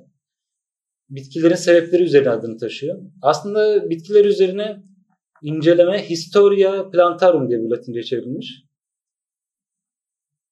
Yani perifiton. Historia kelimesi tarih diye çevriliyor. Ama şimdi şey mantıklı değil. Yani bitkilerin tarihi üzerine mantıklı değil. Çünkü bitkiler her zaman aynıdır. Yani evrim şey olmaz. Ee, evrim de yoktu o zaman. Evrim teorisi de yoktu. Bitkilerin tarihi olmaz yani. 100 yıl önceki bitkiyle bugünkü aynı tür aynıdır. Bugünkü tür aynıdır yani. Fark yoktur aralarında. Bu historia kelimesinin Yunanca'daki anlamıyla alakalı biraz. Aslında tasvir demek. İnceleme diye de çevriliyor bazen ama historia tasvir. Öze dokunmayan anlatım diyelim biz. Yani bir insanı mesela tasvir ederken onun saçının renginden, boyundan bahsediyorsanız onun özüne dokunmayan şeylerden bahsediyorsunuz. O an değil mi? Bu bir işte historia. Ama bitkilerin sebepleri dediği zaman işte öze dokunan şeylerden bahsetmişseniz bitkilerin sebepleri diyor buna Teofrastos. Yani o bitkinin işte e, oranlarından, yaprakların büyükleri büyüklüğüyle işte dalların arasındaki orandan ya da köklerinden, gövdesinden bahsediyorsanız, ilişkiler kuruyorsanız, daha temelde olan ilişkiler kur, kuruyorsanız daha öze dair bir şey yapmış oluyorsunuz. Ve buna da bitkilerin sebepleri üzerine adını veriyor. Ee, ulaşan kitapları bunlar. Şimdi Teofrastos'un Taşlar Üzerine bir kitabının ulaşmış olması önemli e, açısından. Çünkü e, evet sahte Aristo'nun kitabı, Aristo'ya ait değil ama Aristo'nun taşlar hakkında kitap yazmış bir öğrencisi var. Hatta en önemli öğrencisi. Taşlar hakkında bir kitap yazmış. Acaba kitabı ahçarla ortak noktaları olabilir mi? Tabii ki akla gelen bir şey mi? Birkaç yerde ortak nokta var. Ama e, geniş anlamda yani kitabın bütününde yapısal olarak bir ortaklık yok. Sadece e, kitabın bütününü etkilemeyen noktalarda ortaklıklar var. Mesela bir tane sünger taşından bahsederken Kitab-ı Lahcar'da işte sünger taşına deniz köpüğü adı verildiği söyleniyor. Mecazen deniz köpüğü deniyormuş sünger taşına. Teofrastos da bundan bahsediyor taşlar üzerine de. E, yani sünger taşının deniz köpüğü olarak adlandırıldığından bahsediyor. Ruska Almanca'yı çevirirken bir hata yapıyor bu kısımda. Ve bu hatası Kitab-ı Ahçar'ın Teofrastos'un yazdığı taşlar üzerineyle en azından e, ortak bir nokta içerdiğini görmesini engelliyor. Deniz köpüğünü şimdi Zubedül Bahr diye geçiyor kitabın Arapçasında. Motamat çevirsek tereyağı demek. Şimdi zübde öz demek Arapçada. Duymuşsunuz Zübdetül Buhar diye kitaplar vardır mesela. Buhari'nin özeti, özü. Öz demek tereyağı anlamına da geliyor ama. Çünkü tereyağı sütün özü olduğu için tereyağı anlamına da geliyor. Tereyağı diye çevirmiş Ruska Almanca'ya. Halbuki köpük ikinci anlamı yani zübde kelimesinin ikinci anlamı köpük. Birinci anlamı tereyağı ama ikinci anlamı köpük. Deniz köpüğü diye çevirmesi gerekiyor. Zaten Yunanca metne baktık biz. E, Perilito'nun. Orada köpük. Afros kelimesi kullanıyor. Köpük demek. E, Ruska Yunanca kaynakları kullanıyor. incelemesini yazarken e, kitaplaşçılar hakkındaki. Ama bunu görememiş. Çok ilginç yani. E, bir iki başka noktada da ortaklıklar var. Zümrüt hakkında işte Zümrüt'ün e, göze iyi geldiği, iyi görmeye neden olabileceği sürekli bakılırsa bu da ortaklık sergiliyor Teofrastus'ta. Ama bir fark var. Kitab-ı kesin bir dilde diyor ki işte sürekli olarak zümrüte bakarsanız gözünüze iyi gelir bu. Çünkü hani yeşil bir taş ya e, bugün bile söylenen bir şey bu. Yeşil ve mavi renkler işte insanı dinlendiren, ferahlatan renklerdir. Bakarsanız sürekli. E, ama Teofrastus kesin bir dille söylemiyor. Bazıları işte zümrüdün e, sürekli bakıldığı takdirde göze iyi geleceğini söyler diyor. Ya ihtimalli konuşuyor. Daha bilimsel konuşuyor.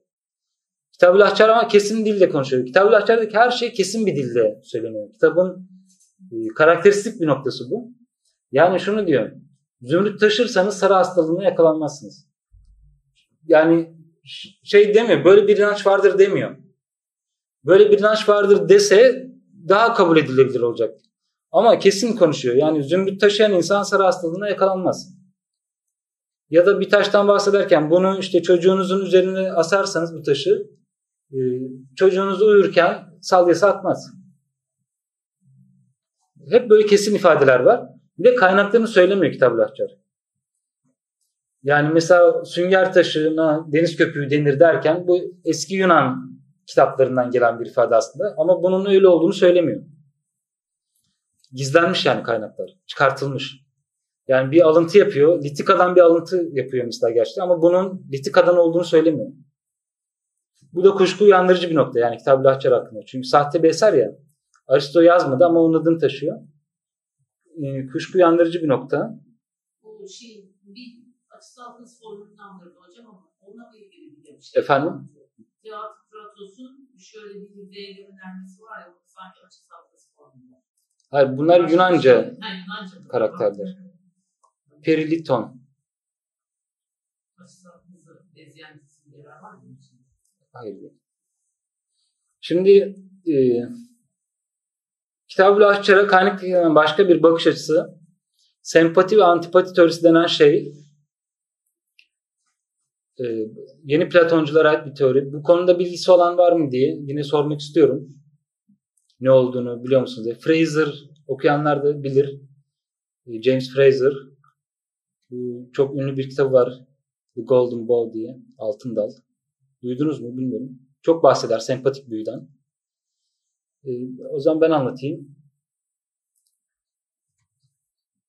Şimdi Kitab-ı Ahçar'a göre, önce Kitab-ı Ahçar'dan örnek vereyim de daha somut olması için. E, mineraller arasında bunlar sanki canlı varlıklarmış gibi sempatiler ve antipatiler var. Mesela altınla elmas arasında sempati var Kitab-ı Ahçar'a göre. Çünkü diyor, e, altın madeninde elmasa rastlanır. Yani bir madende, bir mineralin madeninde başka bir mineral de rastlanıyorsa, başka bir minerale de rastlanıyorsa bunu bir sempati, iki mineral arasında bir sempati olduğu şeklinde yorumluyor kitaplaşçılar. Onu söylüyor. Yani elmasla altın arasında sempati var. Zaten şöyle bir, şöyle bir mantıktan da yola çıkıyor. Elmas e, değerli taşların içinde en tepede olan en sert mineral bir kere ve en değerlilerinden biri. İşte yakut, zümrüt klasmanı içinde en değerlilerinden biri. Altın da metallerin içinde en değerli olan. Yani gümüşten değerli. Ve dolayısıyla metallerin zirvesinde yer alan değer bakımından mineralle değerli taşların zirvesinde yer alan mineral arasında bir yakınlık hayal ediyor kitaplaşçılar. Bu yakınlığı da elmas madeninde pardon altın madeninde çok az elmasa rastlandığını söyleyerek desteklemeye çalışıyor. Yani bunların oluşumu bir arada meydana geliyor kitaplaşçılara göre.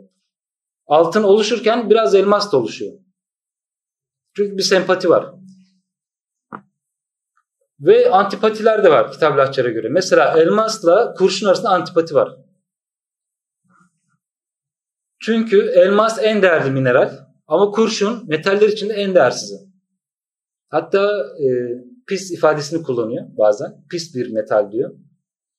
Çünkü eritildiği zaman e, kurşun eridiğinde kurşun olmayan başka işte e, safsızlıklar ortaya çıkıyor. Ağır da bir metal.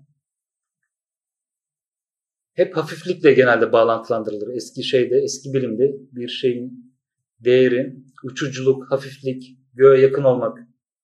E, değer böyle ölçülür yani. Ağırsa bir şey, yerin merkezine doğruysa hareketi. Ağırsa o şeydir yani. Değersizdir ya da negatif şeylere sahiptir. Negatif e, özellikleri sahiptir. Elmasla kurşun arasında da antipati olduğunu söylüyor. Bu aslında yeni Platonculardan gelen bir bakış açısı. Yeni Platoncular bütün evrende bir hiyerarşi tasarladılar. Göklerden başlayarak gök katları onlara göre hiyerarşik bir yapıya sahip. Mesela e, işte 7 tane gök katı var öncelikle. Gezegenlerden oluşan.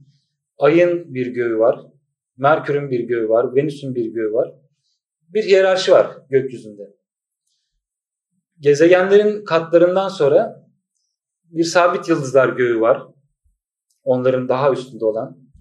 Sabit yıldızlardan sonra daha yukarıda olan bir Atlas feleği var. Bir hiyerarşi. Toplam 10 tane gök katı gökyüzünde. Ve bu hiyerarşi dünyaya da yansıyor. Yeni Platonculara göre. Dünyaya yansıması nasıl oluyor? Önce mevalidi selase denen şey. Üç varlık düzeyi.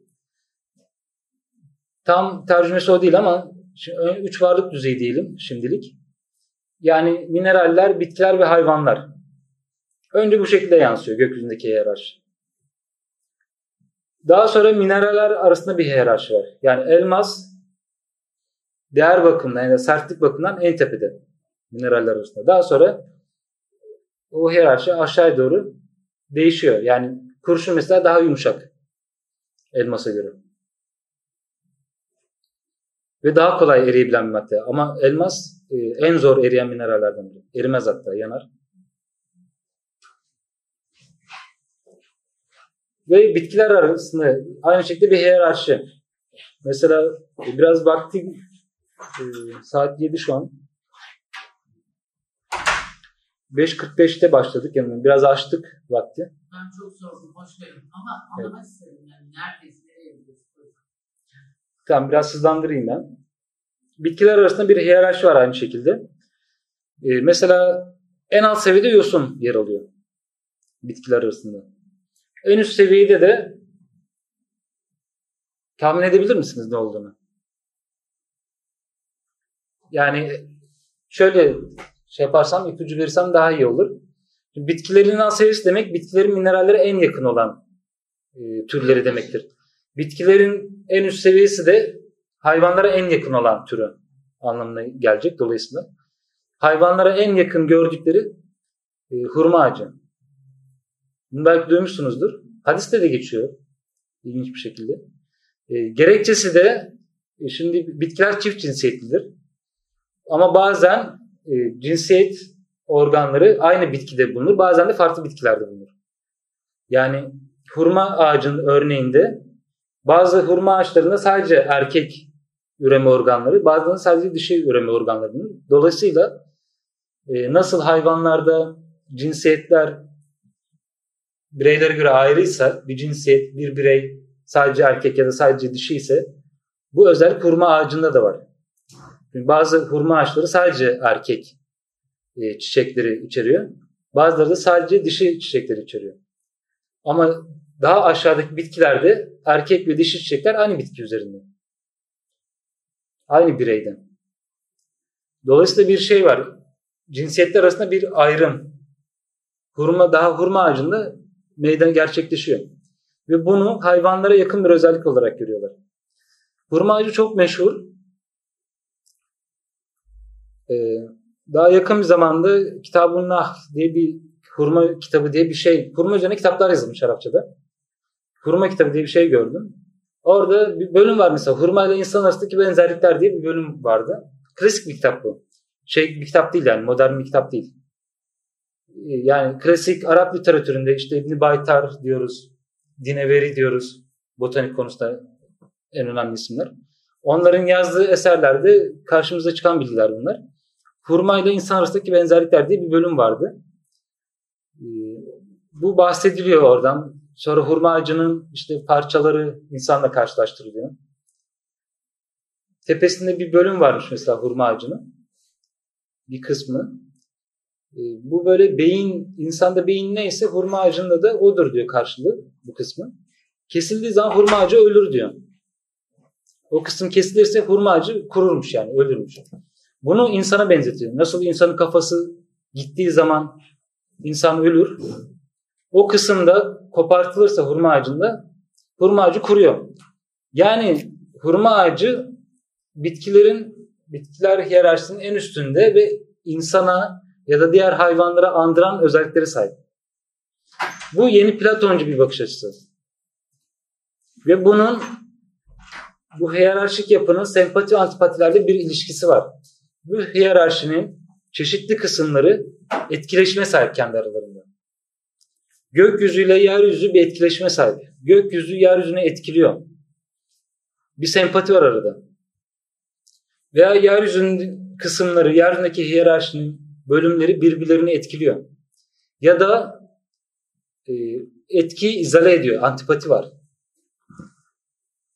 Bu mesela toplumda da var bir hiyerarşi yeni Platoncular gibi. En tepede kral var. Ya da hükümdar. Hükümdar en üst gök katını andırıyor. Bir arasında sempati var. En üst gök katıyla kral arasında bir sempati var. Bir benzerlik var. Toplumun alt seviyelerindeki insanlar daha alt gök katlarından gelen etkileri yansıtıyor. Kitab-ı Ahçar'daki mineraller arasında olduğu iddia edilen sempatiler, antipatiler böyle bir arka plana sahip. Yani bu yeni Platonculardan gelen evrensel hiyerarşiler ve o hiyerarşiden kaynaklı sempati ve antipatiler teorisine dayanıyor.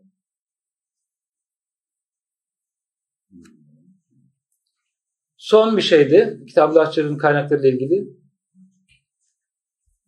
Paradoksografik literatür denen bir şey var, bir konu var. Şimdi doksografik literatür belki duymuşsunuzdur. Doksografi denen bir şey var. Bilgisi olan var mı acaba? Eski Yunan felsefesinin bağlamına geçer genelde doksografi. Dokso'yu bili Doksa'yı biliyorsunuzdur. Gökhan bilir sanıyorum ki. Mağara değil mi? Efendim? Mağara diyen arkadaş siz mi dediniz? Evet. Biraz açabilir misiniz? Yani işte e, gölgeler dünyası var mağarada. Evet. Herkes şey doğru, zincirli bağlı mağarada. Karanlıkta arkada bir şeyler oynuyor yani. Evet, mağara teorisi Platon'un. Maddeler aslında. O Evet. maddelerin gölgelerini biz dünyadayken görüyoruz. Evet. Ne zaman o dünyadan yani mağaradan çıktığımızda Doksa'da o gerçek halini. Evet. Kanı düşünce demek doksa doğru. Ee, yani bir kanımız var. Bir mağarada yaşıyoruz ama mağaranın dışını bilmiyoruz ve bütün yaşanabilecek ortamın orası olduğunu zannediyoruz. Bu bir kanım. Ama mağaranın dışına çıktığımızda onun aslında bir kanı olduğunu yani mağarada iken sadece düşünebileceğimiz ama mağaranın dışını gördüğümüzde aşılması gereken bir kanı bir düşünce olduğunu fark ediyoruz. O bir doksa. Kanı demek zaten doksa düşünce demek. Doksografik literatürde işte bu çeşitli filozofların düşüncelerini aktaran kitaplar. Alıntı kitapları yani. İşte Empedokles'e göre unsurlar şu şekilde meydana gelir. Thales'e göre e, işte mıknatısın şöyle bir özelliği vardır diye bir kitap. Bütün bu alıntıları toplamışsa buna doksografik literatür deniyor. Yani görüşleri bir araya getiren kitaplar. İslam bilim tarihinde bunun örnekleri var. Hatta kelamda da örnekleri var bunun. El Makalatül İslamiyin mesela Eşari'nin doksografik bir kitap. Yani kelam alanındaki görüşleri topluyor. Mutezile mesela bir konu hakkında neye inanıyor, ne düşünüyor? Onları alıntılar halinde aktarıyor bize. Buna doksografik literatür deniyor. Paradoksografik literatür çok ilgili değil buna ama sadece e, terimsel olarak alakalı. Şimdi doksa kanı demek bir de paradoks var. Paradoksa. e, tam şey yapamayacağım, terimsel açıklamasını yapamayacağım ama işte çelişkili çatışkı aslında daha çok. Çatışkı olan şeyler kendileri. Bir çatışkı olan şeyler. Neler paradokstur mesela? Felsefeyle alakalı arkadaşlar bilir, daha iyi bilir. Kant'ta çok meşhurdur. Kant'ın paradoks e, e, sayısını tam şey yapamadım, çıkartamadım ama onun meşhur paradoksları var. Ne dönüyordu ona? Hatırlayan var mı? Antinomi çatışkı, özür dilerim. Karıştırdım. Antinomi ile e, karıştırdım. Kant'ta aynı anda kabul edebileceğimiz ama birbirine zıt olan şeyler anlamında kullanıyor değil mi? Mantık ikisine de izin veriyor. Yani mesela madde artık bölünemeyecek olan en basit bir bileşenden oluşur ya da oluşmaz. Mantık ikisine de cevaz veriyor. Yani ikisini de mantık yoluyla sa- savunabiliyorsun. Ama biliyoruz ki iki zıt şey aynı anda doğru olamaz. Buna antinomi diyor. Şeyden Nasrettin Hoca sen de haklısın der. Aynı düzende iki kişi. Biraz bunu çağrıştırdım. Evet. Çünkü doğuda e, haklısınız. Doğu, batıda sınırlanmış bir alan üzerinden düşünmek. Daha temel. daha temel. Ama bat, e, batıda sınırlanmış bir alan üzerinde düşünmek daha temel. Ama doğuda da tabii ki sınırlanmış bir alan üzerinde düşünülüyor ama bazen o sınır aşılabiliyor doğuda. O nedenle e, şunu diyemeyiz yani mantık açısından kabul edilemeyecek şeyler doğuda savunuluyor diyemeyiz tabii ki ama doğuda bazen mantığın dışına çıkılabileceği ve e, zıt gibi görünen şeylerin aynı anda doğru olabileceği bazen kabul daha yatkın doğulu insanlar buna. Ama bu eski Yunan nedeniyle batılı insanlar buna o kadar yatkın değiller bu bakış açısına. Onlar daha sınırlanmış bir alanda, daha böyle zıtlıklar ve yakınlıklar üzerinden düşünen kişiler.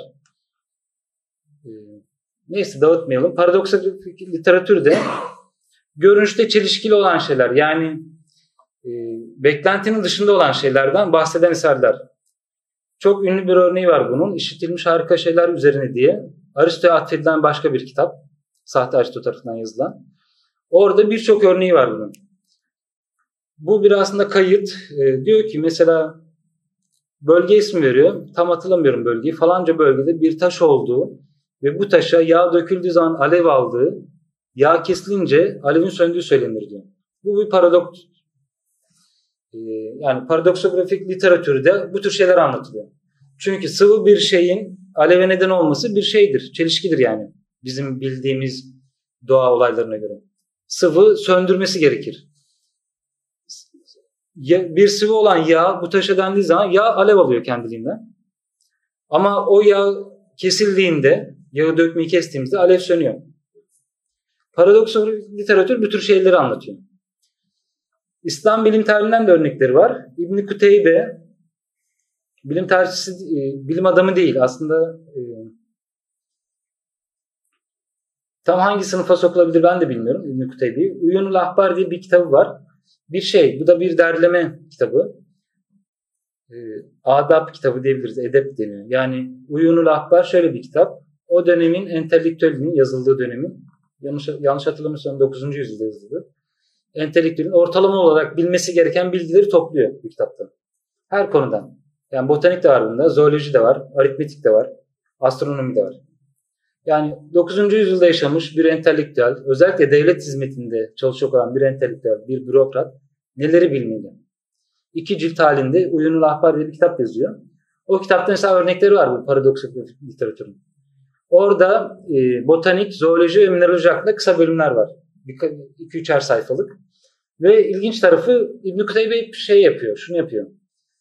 İlginç olan, çarpıcı, böyle beklentilerin dışında örnekler veriyor orada. Botanikten bahsederken sadece yani botaniğin temeli, özeti ya da botanikteki temel teoriler, görüşler bunları anlatmıyor. Tekil örnekler alıyor ve hepsi de ilginç örnekler. Orada nilüfer çiçeğinden bahsediyor mesela. İşte nilüfer çiçeğinin e, gündüz yapraklarını kapattığı, gece ise yapraklarını açtığını söylüyor. Bu aslında paradoksografik literatürün bir şeyi. Çünkü çiçekler gündüz yapraklarını açar. Güneş ışığına yöneldikleri için ama gece de yapraklarını kapatırlar. Buna dikkat edilmesinin sebebi yani bu olgunun dışındaki bir çiçek tam tersi bir davranış içinde. E, paradoksografik literatür nedeniyle böyle bir dikkat söz konusu.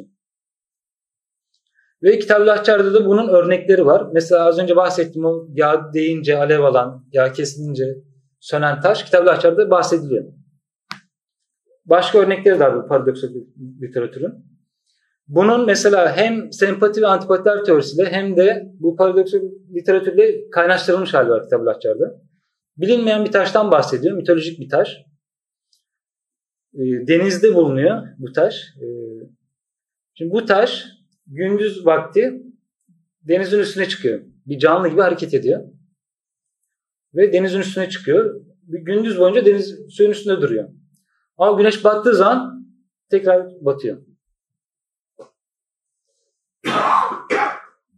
Ne kastedildiğini bilmiyoruz burada. Yani taş olarak e, bahsediliyor. Belki de bir canlı ya da belki kabuklu bir canlı.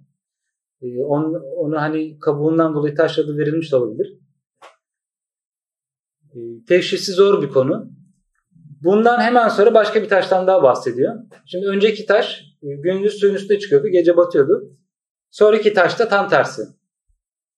Yani gece suyun üstüne çıkıyor, gündüz batıyor. Burada da aslında paradoksal literatürle e, sempati ve antipatilerin bir kaynaşması söz konusu. Çünkü güneşle arasında bir sempati ya da antipati var taşın. Yani güneşe yöneliyor. Gün, güneş gündüz doğduğuna göre e, sempati olan taş suyun üstüne çıkıyor. Güneş battığında yere batıyor. Ama diğer taşla güneş arasında bir antipati var. O yüzden güneş batınca o suyun üstüne çıkıyor. Güneş doğunca suyun dibine çöküyor. Bu şey. Yeryüzünde her şeyin geri dönüşünde ve alışveriş olduğunu getiriyor. Yani. Döngüsel bakış açısı. Evet. Onunla bir ilgisi var zaten bunun.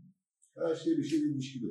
Hem bir çiftlik kurma var. Bu çok baskın bir şeydir bakış açısı. Botanikte özellikle çok baskındır. Ee, Bir bitki mesela şöyle düşünüyor.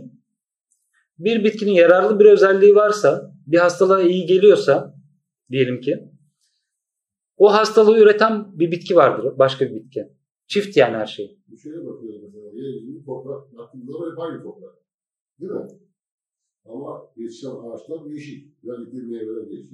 Sebzeler değişik. Doğru mu? Bizde hep aynı gibi görünüyor ama mesela okyanusun içinde yanardağ şey yap, e, laf çıkar.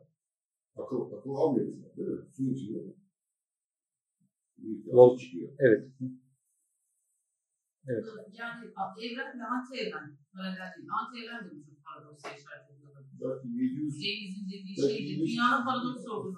E şimdi yok. Daha çok aslında kastettiğim döngüsellik. Yani sempati ve antipatiler bağlamında bir döngüsellik. Ya da bir çift halinde olma. Yani sempati varsa bir maddeyle başka bir madde arasında o maddeyle başka bir madde arasında antipati de olabilir. Ya da e, döngüsellik. Şu an tam şey yapamayacağım. Yani bağlantısını kuramayacağım ama çok ilgili değil aslında. Çok ilgili değil. Ama döngüsel olan başka teoriler var eski bilimde.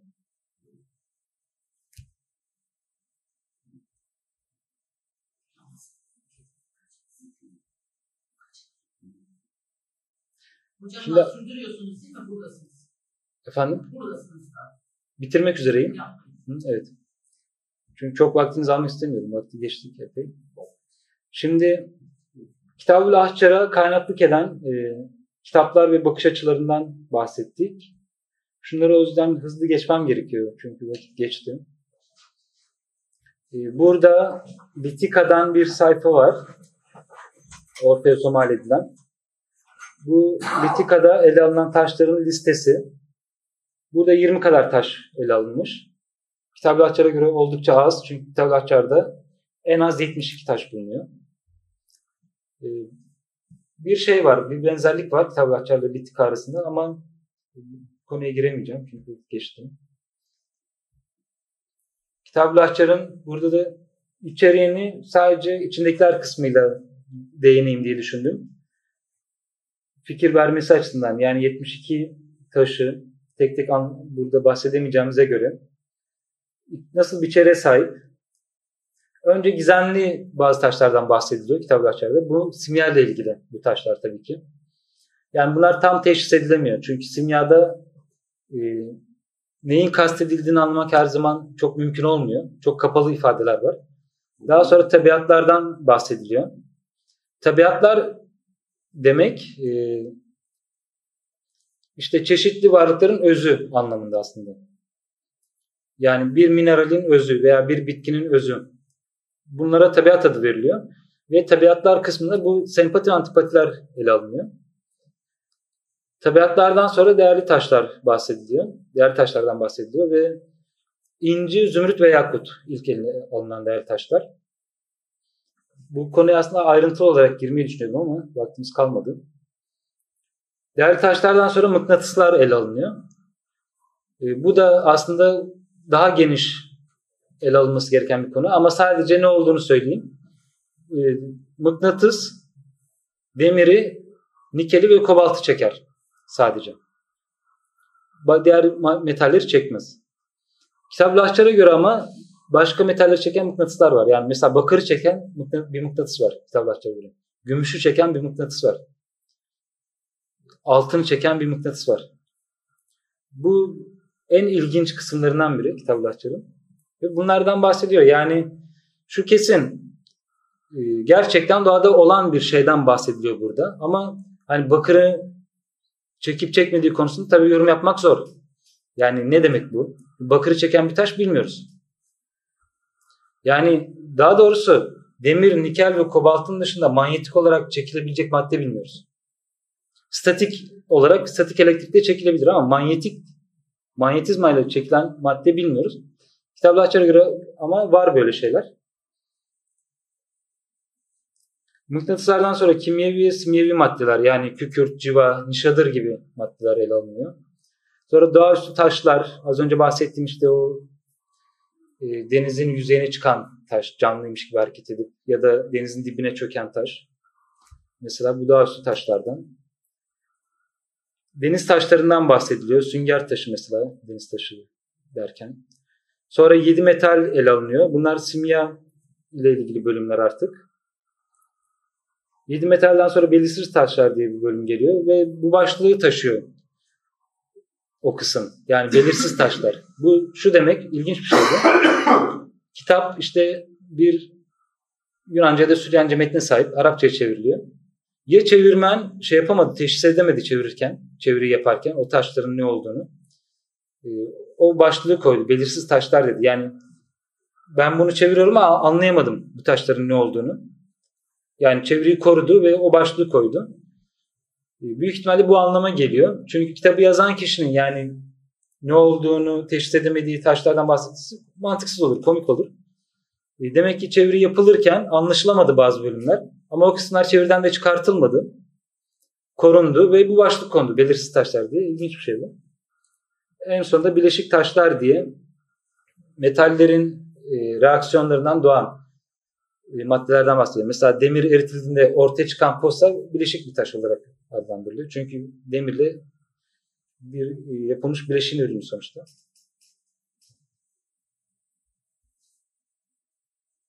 En sonda e, Aristoteles'in bahsettiği yedi taş diye yine mitolojik bir bölüm var. Çünkü teşhisi mümkün olmayan ama renklerinden bahsedilen sadece taşlar burada söz konusu ediliyor. Yani sarı taş diyor. Bunu sen toz haline getirip işte kullandığın zaman e, şu hastalığa iyi gelir veya daha garip şeyler söyleniyor. Üstüne taşırsan ikna kabiliyetin artar. Yani insanlar senin sözüne inanırlar. İşte ya da yetki sahibi insanların gözünde değer kazanırsın gibi olağanüstü özelliklerinden bahsediliyor. Bu konuya giremeyeceğiz. Aslında ince zümrüt ve yakutun oluşumu ve özelliklerinden bahseden kısmına daha ayrıntılı ele almayı düşünüyorum ama vaktimiz kalmadı. Sonuçlar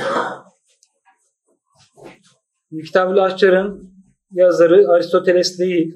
Bu konuyu e, ayrıntılı anlatmamız mümkün değildi. Ama bir ara Ruska'nın Huneyn bin İshak tarafından yazılmış olabileceğini ileri sürdüğünü söylemiştim. Fuat Sezgin buna karşı çıkıyor. Ruska'nın iddiasına. Ve karşı çıkarken de kullandığı en önemli delil Kitab-ül Ahçar'ın Cabir bin Hayyan tarafından alıntılandığı. Şimdi Huneyn bin İshak 9. yüzyılda yaşadı ama Cabir bin Hayyan 815 tarihinde öldü. Yani e, 9. yüzyılın başlarına kadar, ilk 15 yılına kadar yaşadı. Ama eserleri 8. yüzyılın sonlarında yazıldı. Dolayısıyla Cabir bin Hayyan alıntı yapmışsa bu kitaptan, bu kitap 9. yüzyıldan önce yazılmış olmalı. Yani Huneyn bin İshak'tan önce yazılmış olmalı. E, bu en önemli delil Ruska'nın iddiasının yanlış olduğuna dair. E, sunumun başında da tanıtılırken kitaplar 9. yüzyılda yazıldı tahmin edilen dedik ama aslında deliller 8. yüzyılda yazıldığını gösteriyor. Yani çevrildiğini gösteriyor. Şimdi Kitaplaşçı'nın kaynak metni Yunanca mıydı yoksa Süryanice miydi? Şimdi bir kere şunu zaten kabul etmiyoruz. Yani bu kitap Yunanca ya da Süryanice bir kaynak metni sahip değil. Bir Arap yazar tarafından direkt Arapça yazılı. Bunu kabul etmiyoruz kesinlikle.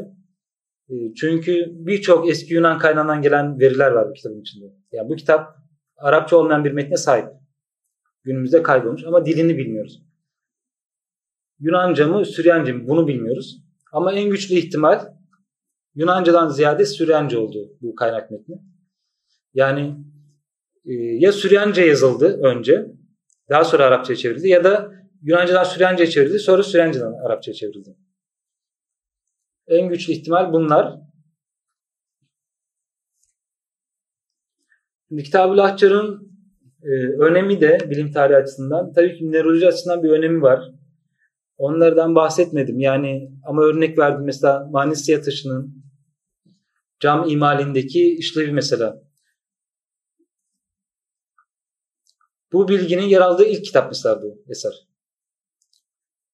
Başka kaynaklarda ben bu bilginin ilk önce Cabir bin Hayyan'da geçtiğini yazıldığını gördüm. Halbuki yanlış bir bilgi artık o. Bu bilgi yani Manisa taşının cam imandaki rolü ilk önce Lahçar'da anlatılıyor. Cabir bin Hayyan bundan oluyor. Yani o doğru değil artık. Mineraloji açısından bir öneme sahip. Tabii ki simya açısından da bir öneme sahip. Ee, İskender hikayeleri açısından bir öneme sahip. Onları da giremedik maalesef. Ama bence bu kitabın en önemli özelliği, bu kitabın bize en çok hitap ettiği kısım şimdi yazıldığı dönem ve e, bu dönem İslam bilim ilişkisi bağlamında.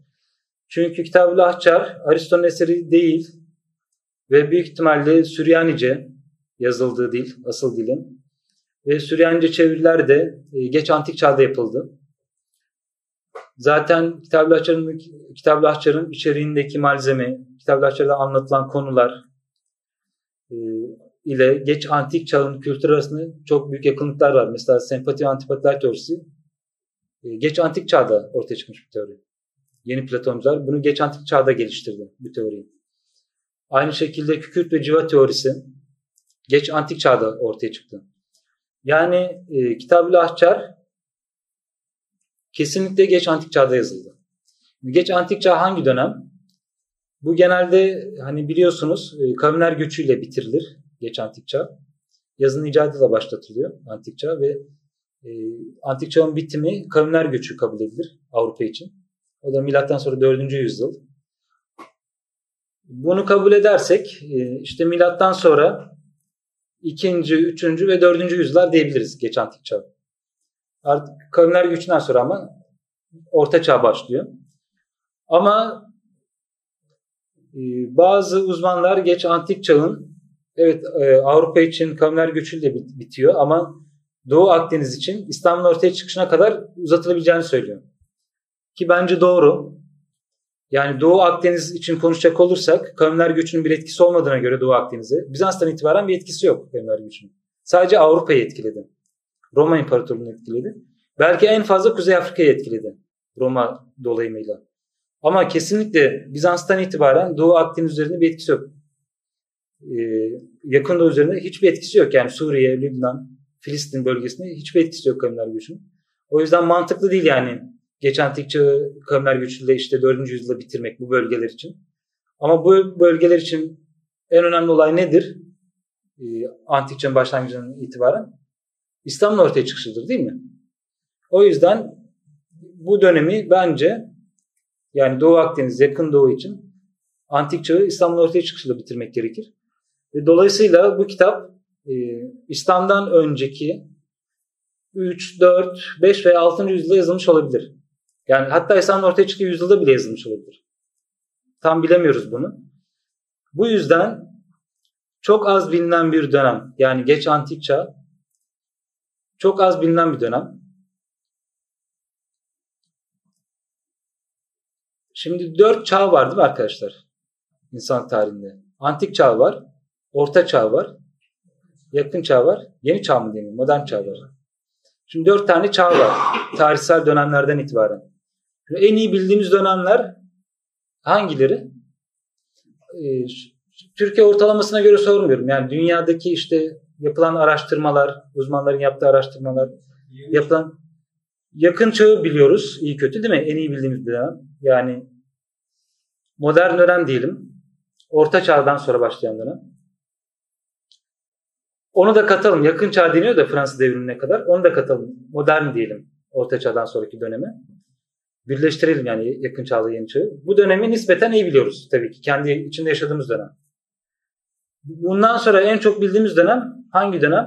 Dünyada hakim medeniyet açısından düşünecek olursak antik çağ. Ve o da e, zirvesine işte Platon ve Aristo'yla ulaşan dönem. Yani milattan önce 3. yüzyıl kadar olan dönem. Ondan sonrasında biraz biliyoruz. Helenistik dönemi de biliyoruz. İskender'den dolayı. E, Helenistik e, dönemden sonra ortaya çıkan parçalanan e, devletleri biliyoruz. iyi biliyoruz. Yani modern dönemi ve antik çağı en iyi biliyoruz şu an. Dünyada hakim olan Batı medeniyetinin ölçülerine göre konuşacak olursak. En az bildiğimiz dönemlerde bunun dışına kalan dönemler. Yani Orta Çağ en başta çok az biliniyor. Çok kötülenen, çok reddedilen ve çok az bilinen bir dönem Orta Çağ. Hem bir de ama bir fark var. Ee, Orta Çağ derken neyi kastediyoruz? Yani Hristiyan Orta Çağ mı sadece yoksa aynı dönemdeki İslam medeniyetini de kastediyor muyuz? Bu açıdan konuşacak olursak şimdi e, Batı Orta Çağ, Hristiyan Orta Çağ Avrupa'da da gerçekten az biliniyor. Az ilgi görüyor ve çok kötüleniyor. Reddedilen bir dönem tamamen. Çünkü modern dönemde bir isyan olarak başladı Orta Çağ.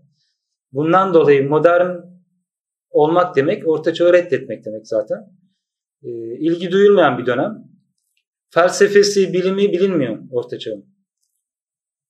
Medeniyeti iyi bilinmiyor. Ve hep böyle basma kalıp şeylerle eleştiriliyor. Gerçekten. Hep cadı avı mesela. Bir şeydir bu. Basma kalıp bir şey.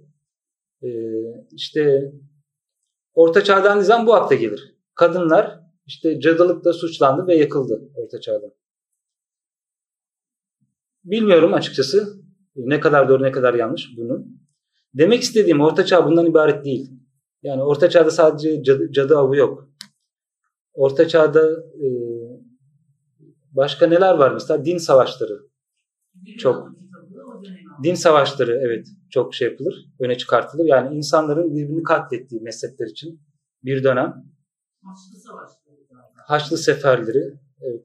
Şimdi doğru tarafları var. Gerçekten de Batı Orta Çağı Şimdi kavimler göçünden yani milattan sonra 4. yüzyıldan 1000 yılına kadar düşünecek olursak e, neredeyse bomboş bir dönem. Yani hiçbir şey yapılmamış Avrupa'da. 4. yüzyıldan 10. yüzyıla kadar medeniyet yok Avrupa'da.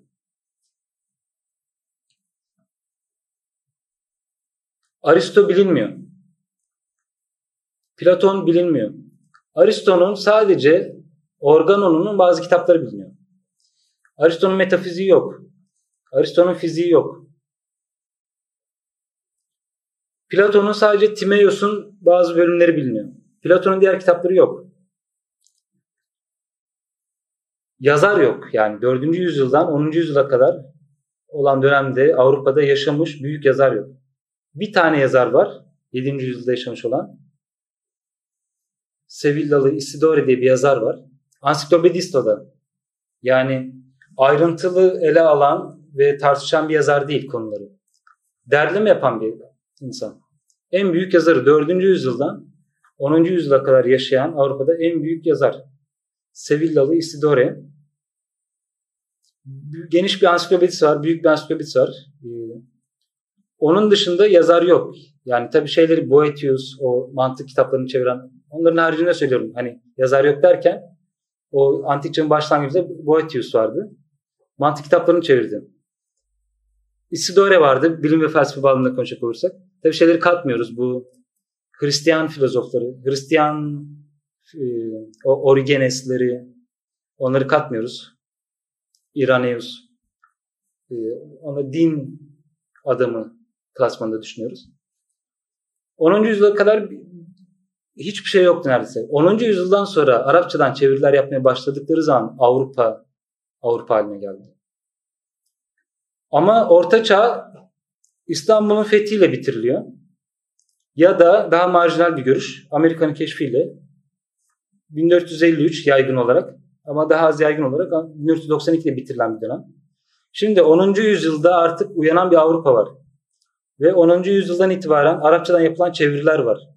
Artık Aristo külliyatı tamamlanıyor 10. yüzyıldan sonra. Aristo'nun sadece bazı mantık eserleri bilinirken artık Aristo'nun metafiziği ve fiziği de ulaşılabilir hale geliyor Avrupalı aydınlar için. Ve Rönesans'tan sonra başlayan bir Platon çevirileri dönemi var. Bunlar hep bin yılından bu Orta Çağ'ın bittiği kabul edilen 1453'e kadar olan dönemde yapıldı. O dönemi nereye koyacağız? Yani Orta Çağ çünkü o dönemde. E, geç Orta Çağ demek daha mantıklı. Yüksek ve geç Orta Çağ. Dolayısıyla yani Orta Çağ'ı e, evet o klişeler, o basma kalıp şeyler bin yılından önceki kişiler için az çok doğru olabilir. Ama bin yılından sonra bizzat, bizzat kilisenin inisiyatifiyle başlayan bir uyanış var Avrupa'da. Papa'nın öncülük ettiği bir çeviri hareketi var ikinci Sylvester'ın. Dolayısıyla bin yılından e, Orta Çağ'ın işte bittiği kabul edilen tarihe kadar olan dönem Avrupa'nın e, bugünkü Avrupa'nın temellerinin atıldığı dönem. Buyurun. Hocam şey soracağım. Şimdi e, biz e, Avrupa'nın Orta Çağ'da olduğu bir e, dönemi karanlık çağ olarak adlandırırken e, İslam olarak da biz e, en aydınlık dönemimizi olduğunu söylüyoruz ya. Mesela e, Avrupa şu an aydınlık çağda olduğunu yine bizim kabul etmememiz lazım aslında. Benim anladığım bu oluyor. Evet. Çünkü eğer Avrupa'nın şu an biz aydınlanma çağında yani en son e, iyi olduğu dönem olarak kabul ettiğimizde biz o zaman hala karanlık çağda olmuş oluyoruz yani. E, yani mesela e, şimdi söyleyince aklıma geldi. Çünkü Avrupalılar Orta Çağ, e, karanlık çağ olarak nefret edici bir çağ olarak kabul ediyorlar. Çünkü dogmacı, din temelli bir e, medeniyetin olduğunu söylediği için biz de diyoruz ki biz hayır aydınlık çağımızdaydık. Biz kendi inancımızı özgürce e, tartışabildiğimiz, yaşayabildiğimiz, e, farklı görüşleri de söyleyebildiğimiz bir zamandaydık diyoruz. E, ama Avrupa hala aynı kafada yani ve onun Avrupa olmasının sebebi tahakküm e, kuvvetinin daha fazla olması. Ben bu anlamda baktığımda aslında Avrupa'yı hala bir karanlık çağda e, e, görmüş oluyorum ve bunu kendi çaplarında bir mantıksal sisteme de oturttukları için bence en karanlık çağda olmuş oluyorlar yani. Bu anlamda mı okumamız lazım? Yoksa biz eğer Avrupa'yı şu an aydın olarak kabul ettiğimizde e, biz zaten o zaman ben de bir karanlık çağda olmuş oluyorum şu an. Eğer hani bizim yaşadığımız medeniyetin ilkeleri bu şu an hakim olan modern medeniyetin ilkelerine ters diye düşünüyorsanız e, tabii ki bizim Avrupa aydınlık kendimizi karanlık olarak kabul etmemiz mümkün değil. Haliyle o, bu kategorik bir şey aslında. E, yani kabulümüz şöyle olmalı. Aslında biziz e, daha makul olan insanlar. Ama makul olmayan insanlar, yanılgı içinde oldukları halde aydınlanmanın zirvesinde olduğunu düşünen insanlar Avrupalılardır dememiz gerekiyor. Çünkü ilkelerimizin zıt olduğunu kabul ediyoruz burada. Yani bizim yaşadığımız medeniyetin temelleri şu an Avrupa'da hakim olan medeniyeti zıt dersek böyle düşünmemiz gerekir. O konuda haklısınız. Ama zaten mesela modern dönemde e, evet doğru Orta Çağ hep karalandı Avrupa'da ve modern medeniyete tamamen bir tezat içinde sunuldu. Ama 20. yüzyılda e, yazmış olan bazı düşünürler e, aslında o kadar e, sert bir kontrastın olmadığını Orta Çağ'da sonraki dönem arasında ama tam tersine yapısal olarak devam eden özellikler olduğunu söyleyen kişiler var. Mesela özellikle dediniz ya mesela baskıcı ve hakimiyet kuran tarafları Avrupa medeniyetinin. E, sömürgeci dönemde, kolonyalist dönemde işte bilim ve teknolojinin yediğinde bir despot medeniyet haline geldi değil mi? Sömürgeci bir medeniyet. İşte diye bazı kişiler diyor ki bunlar zaten orta çağda da vardı Avrupa'da. Değişmedi yani Avrupa medeniyeti bu açıdan. O özelliklerini modern olan dönemi, dönemi de taşıdılar. Michel Foucault şey bunun en çok öne sürenlerden biridir. Özellikle şey bulmaya çok yatkın bir adam yani. Orta çağla modern dönem arasındaki yapısal süreklilikler üzerine yoğunlaşan biri. Bu açıdan bakıldığı zaman işte o şey kayboluyor. Modern dönemde orta çağ arasındaki zıtlık kayboluyor. Biraz bakış açınıza bağlı yani. Michel Foucault gibi bakıyorsanız, onun ölçülerinden e, inceliyorsanız meseleyi ortak noktalar buluyorsunuz. Benzerlikler var ama e, biz ve onlar işte İslam ve Avrupa diye daha kategorik açılardan bakarsak e, o konuda haklısınız. O tezat çok açık yani. Çünkü şimdi yaşadığımız medeniyetin ilkelerini modern Avrupa medeniyetinin ilkeleriyle özdeş kabul edersek biz diye kendimizi ayırmamızın anlamı kalmayacak. Çok anlamlı olmayacak bu. Ama ayrım yaparsak ve kendi ilkelerimizi daha doğru bulursak modern medeniyetin o zaman da şu soru doğacak. Neden biz o zaman güçlü değiliz dünyada? Biz haklıysak, biz daha makulsek, bizim ilkelerimiz daha doğruysa neden Avrupa medeniyeti, Batı medeniyeti dominant? Bu sefer buna cevap vermekte zorluk çekeceğiz.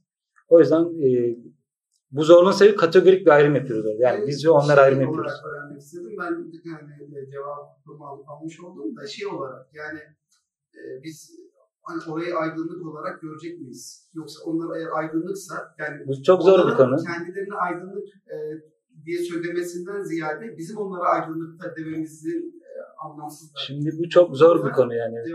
Avrupa medeniyeti şimdi e, adını hak ediyorum. Öyle aydınlanma yüzyılı yaşandı mesela 18. yüzyılda. 18. yüzyıl bu adı hak ediyor mu? Genelde hak ettiği yönünde görüşler. Hatta İslam dünyasında bile. Ama çok çetrefilleşiyor, çok çatallaşıyor bazen yorumlar. Yani deniyor ki Hristiyanlık, e, popüler şey şudur mesela. Hristiyanlıktan dolayı bir karanlık yaşadılar. Hristiyanlığa isyan ederek e, daha aydınlık bir döneme girdiler. Aydınlanma yüzyılını yaşadılar deniyor bazen. Ama bu doğru değil arkadaşlar. Yani şimdi 10. yüzyılda 2. Sylvester adlı papanın inisiyatifiyle başlayan tercüme hareketiyle Arapçadan Latince e, temellerini atmaya başlamış bir Avrupa medeniyeti varsa nasıl yani Avrupa Hristiyanlıktan dolayı karanlık bir dönem yaşadı ama Hristiyanlığı reddedince aydınlık bir döneme girdi diyebileceğiz? Çünkü 10. yüzyılda başlıyor bugünkü Avrupa. 11. yüzyılda. Skolastik çok şey yapılıyor, çok eleştiriliyor. Ee, Akinoğlu Thomas zirvesi. Ama şundan dolayı eleştiriliyor. İşte efendim çok önemsiz ve gereksiz şeyleri böyle kılı kırk yararak ele alıyor Thomas. İşte cennette hayvanlar etobur muydu? Otobur muydu?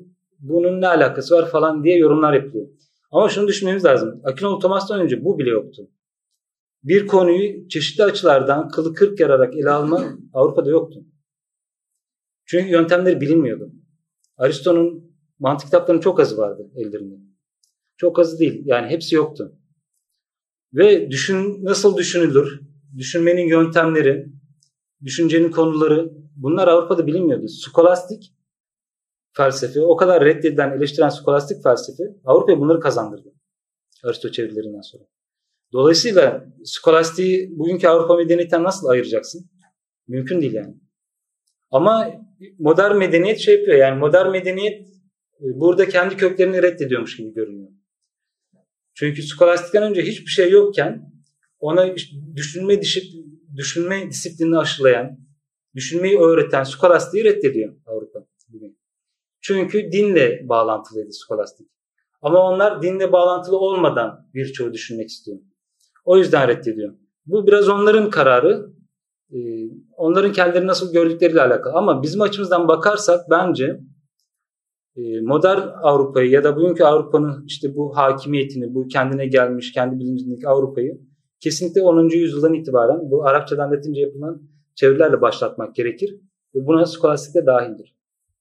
O yüzden o şey birden kaybolur yani işte skolastik karanlık e, ya da Hristiyanlık nedeniyle yaşanan karanlık çağ anlayışı böyle bakarsak yok olur yani. Evet buyurun.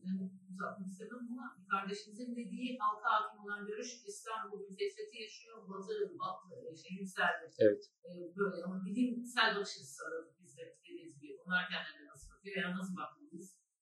O yüzden- Onlar böyle bakıyorlar ama şimdi Avrupa yani zaten şunu diyemeyiz. Bütün Batılılar kendilerine hep aynı şekilde bakıyor diyemeyiz. Onlarda tabii ki çeşitli görüşler var. Şimdi ve çok farklı alanlarda çok farklı yansıyabiliyor bu. Mesela e, hatırladığım kadarıyla bir ara Avrupa Birliği e, projesi bağlamında e, Papa işte kilisenin de Avrupa Birliği'nin kurucu Avrupa Birliği'ni kuran Avrupa Birliği'ni demeyeyim Avrupa medeniyetini kuran temellerden biri olduğunu bu Avrupa Birliği metninde yer almasını istedi. Ama yer almadı. Yani Avrupa Birliği bunu kabul etmedi. Şimdi bu, bu açıdan bak, yaklaşırsak mesela Avrupa Hristiyanlığı kendisinin oluşturucu bir kimlik olarak görmüyor. Ama yanlış bence. Yani e, evet, o din karşıtı şeyle alakalı bu. Tutumla alakalı bana kalırsa ve doğru değil. E, bugünkü Avrupa, modern Avrupa bile bir şekilde Hristiyanlıkla bağlantılı. Doğrudan ya da dolaylı. Ki zaten çeviri dönemi kilisenin inisiyatifiyle başladı. O şekilde.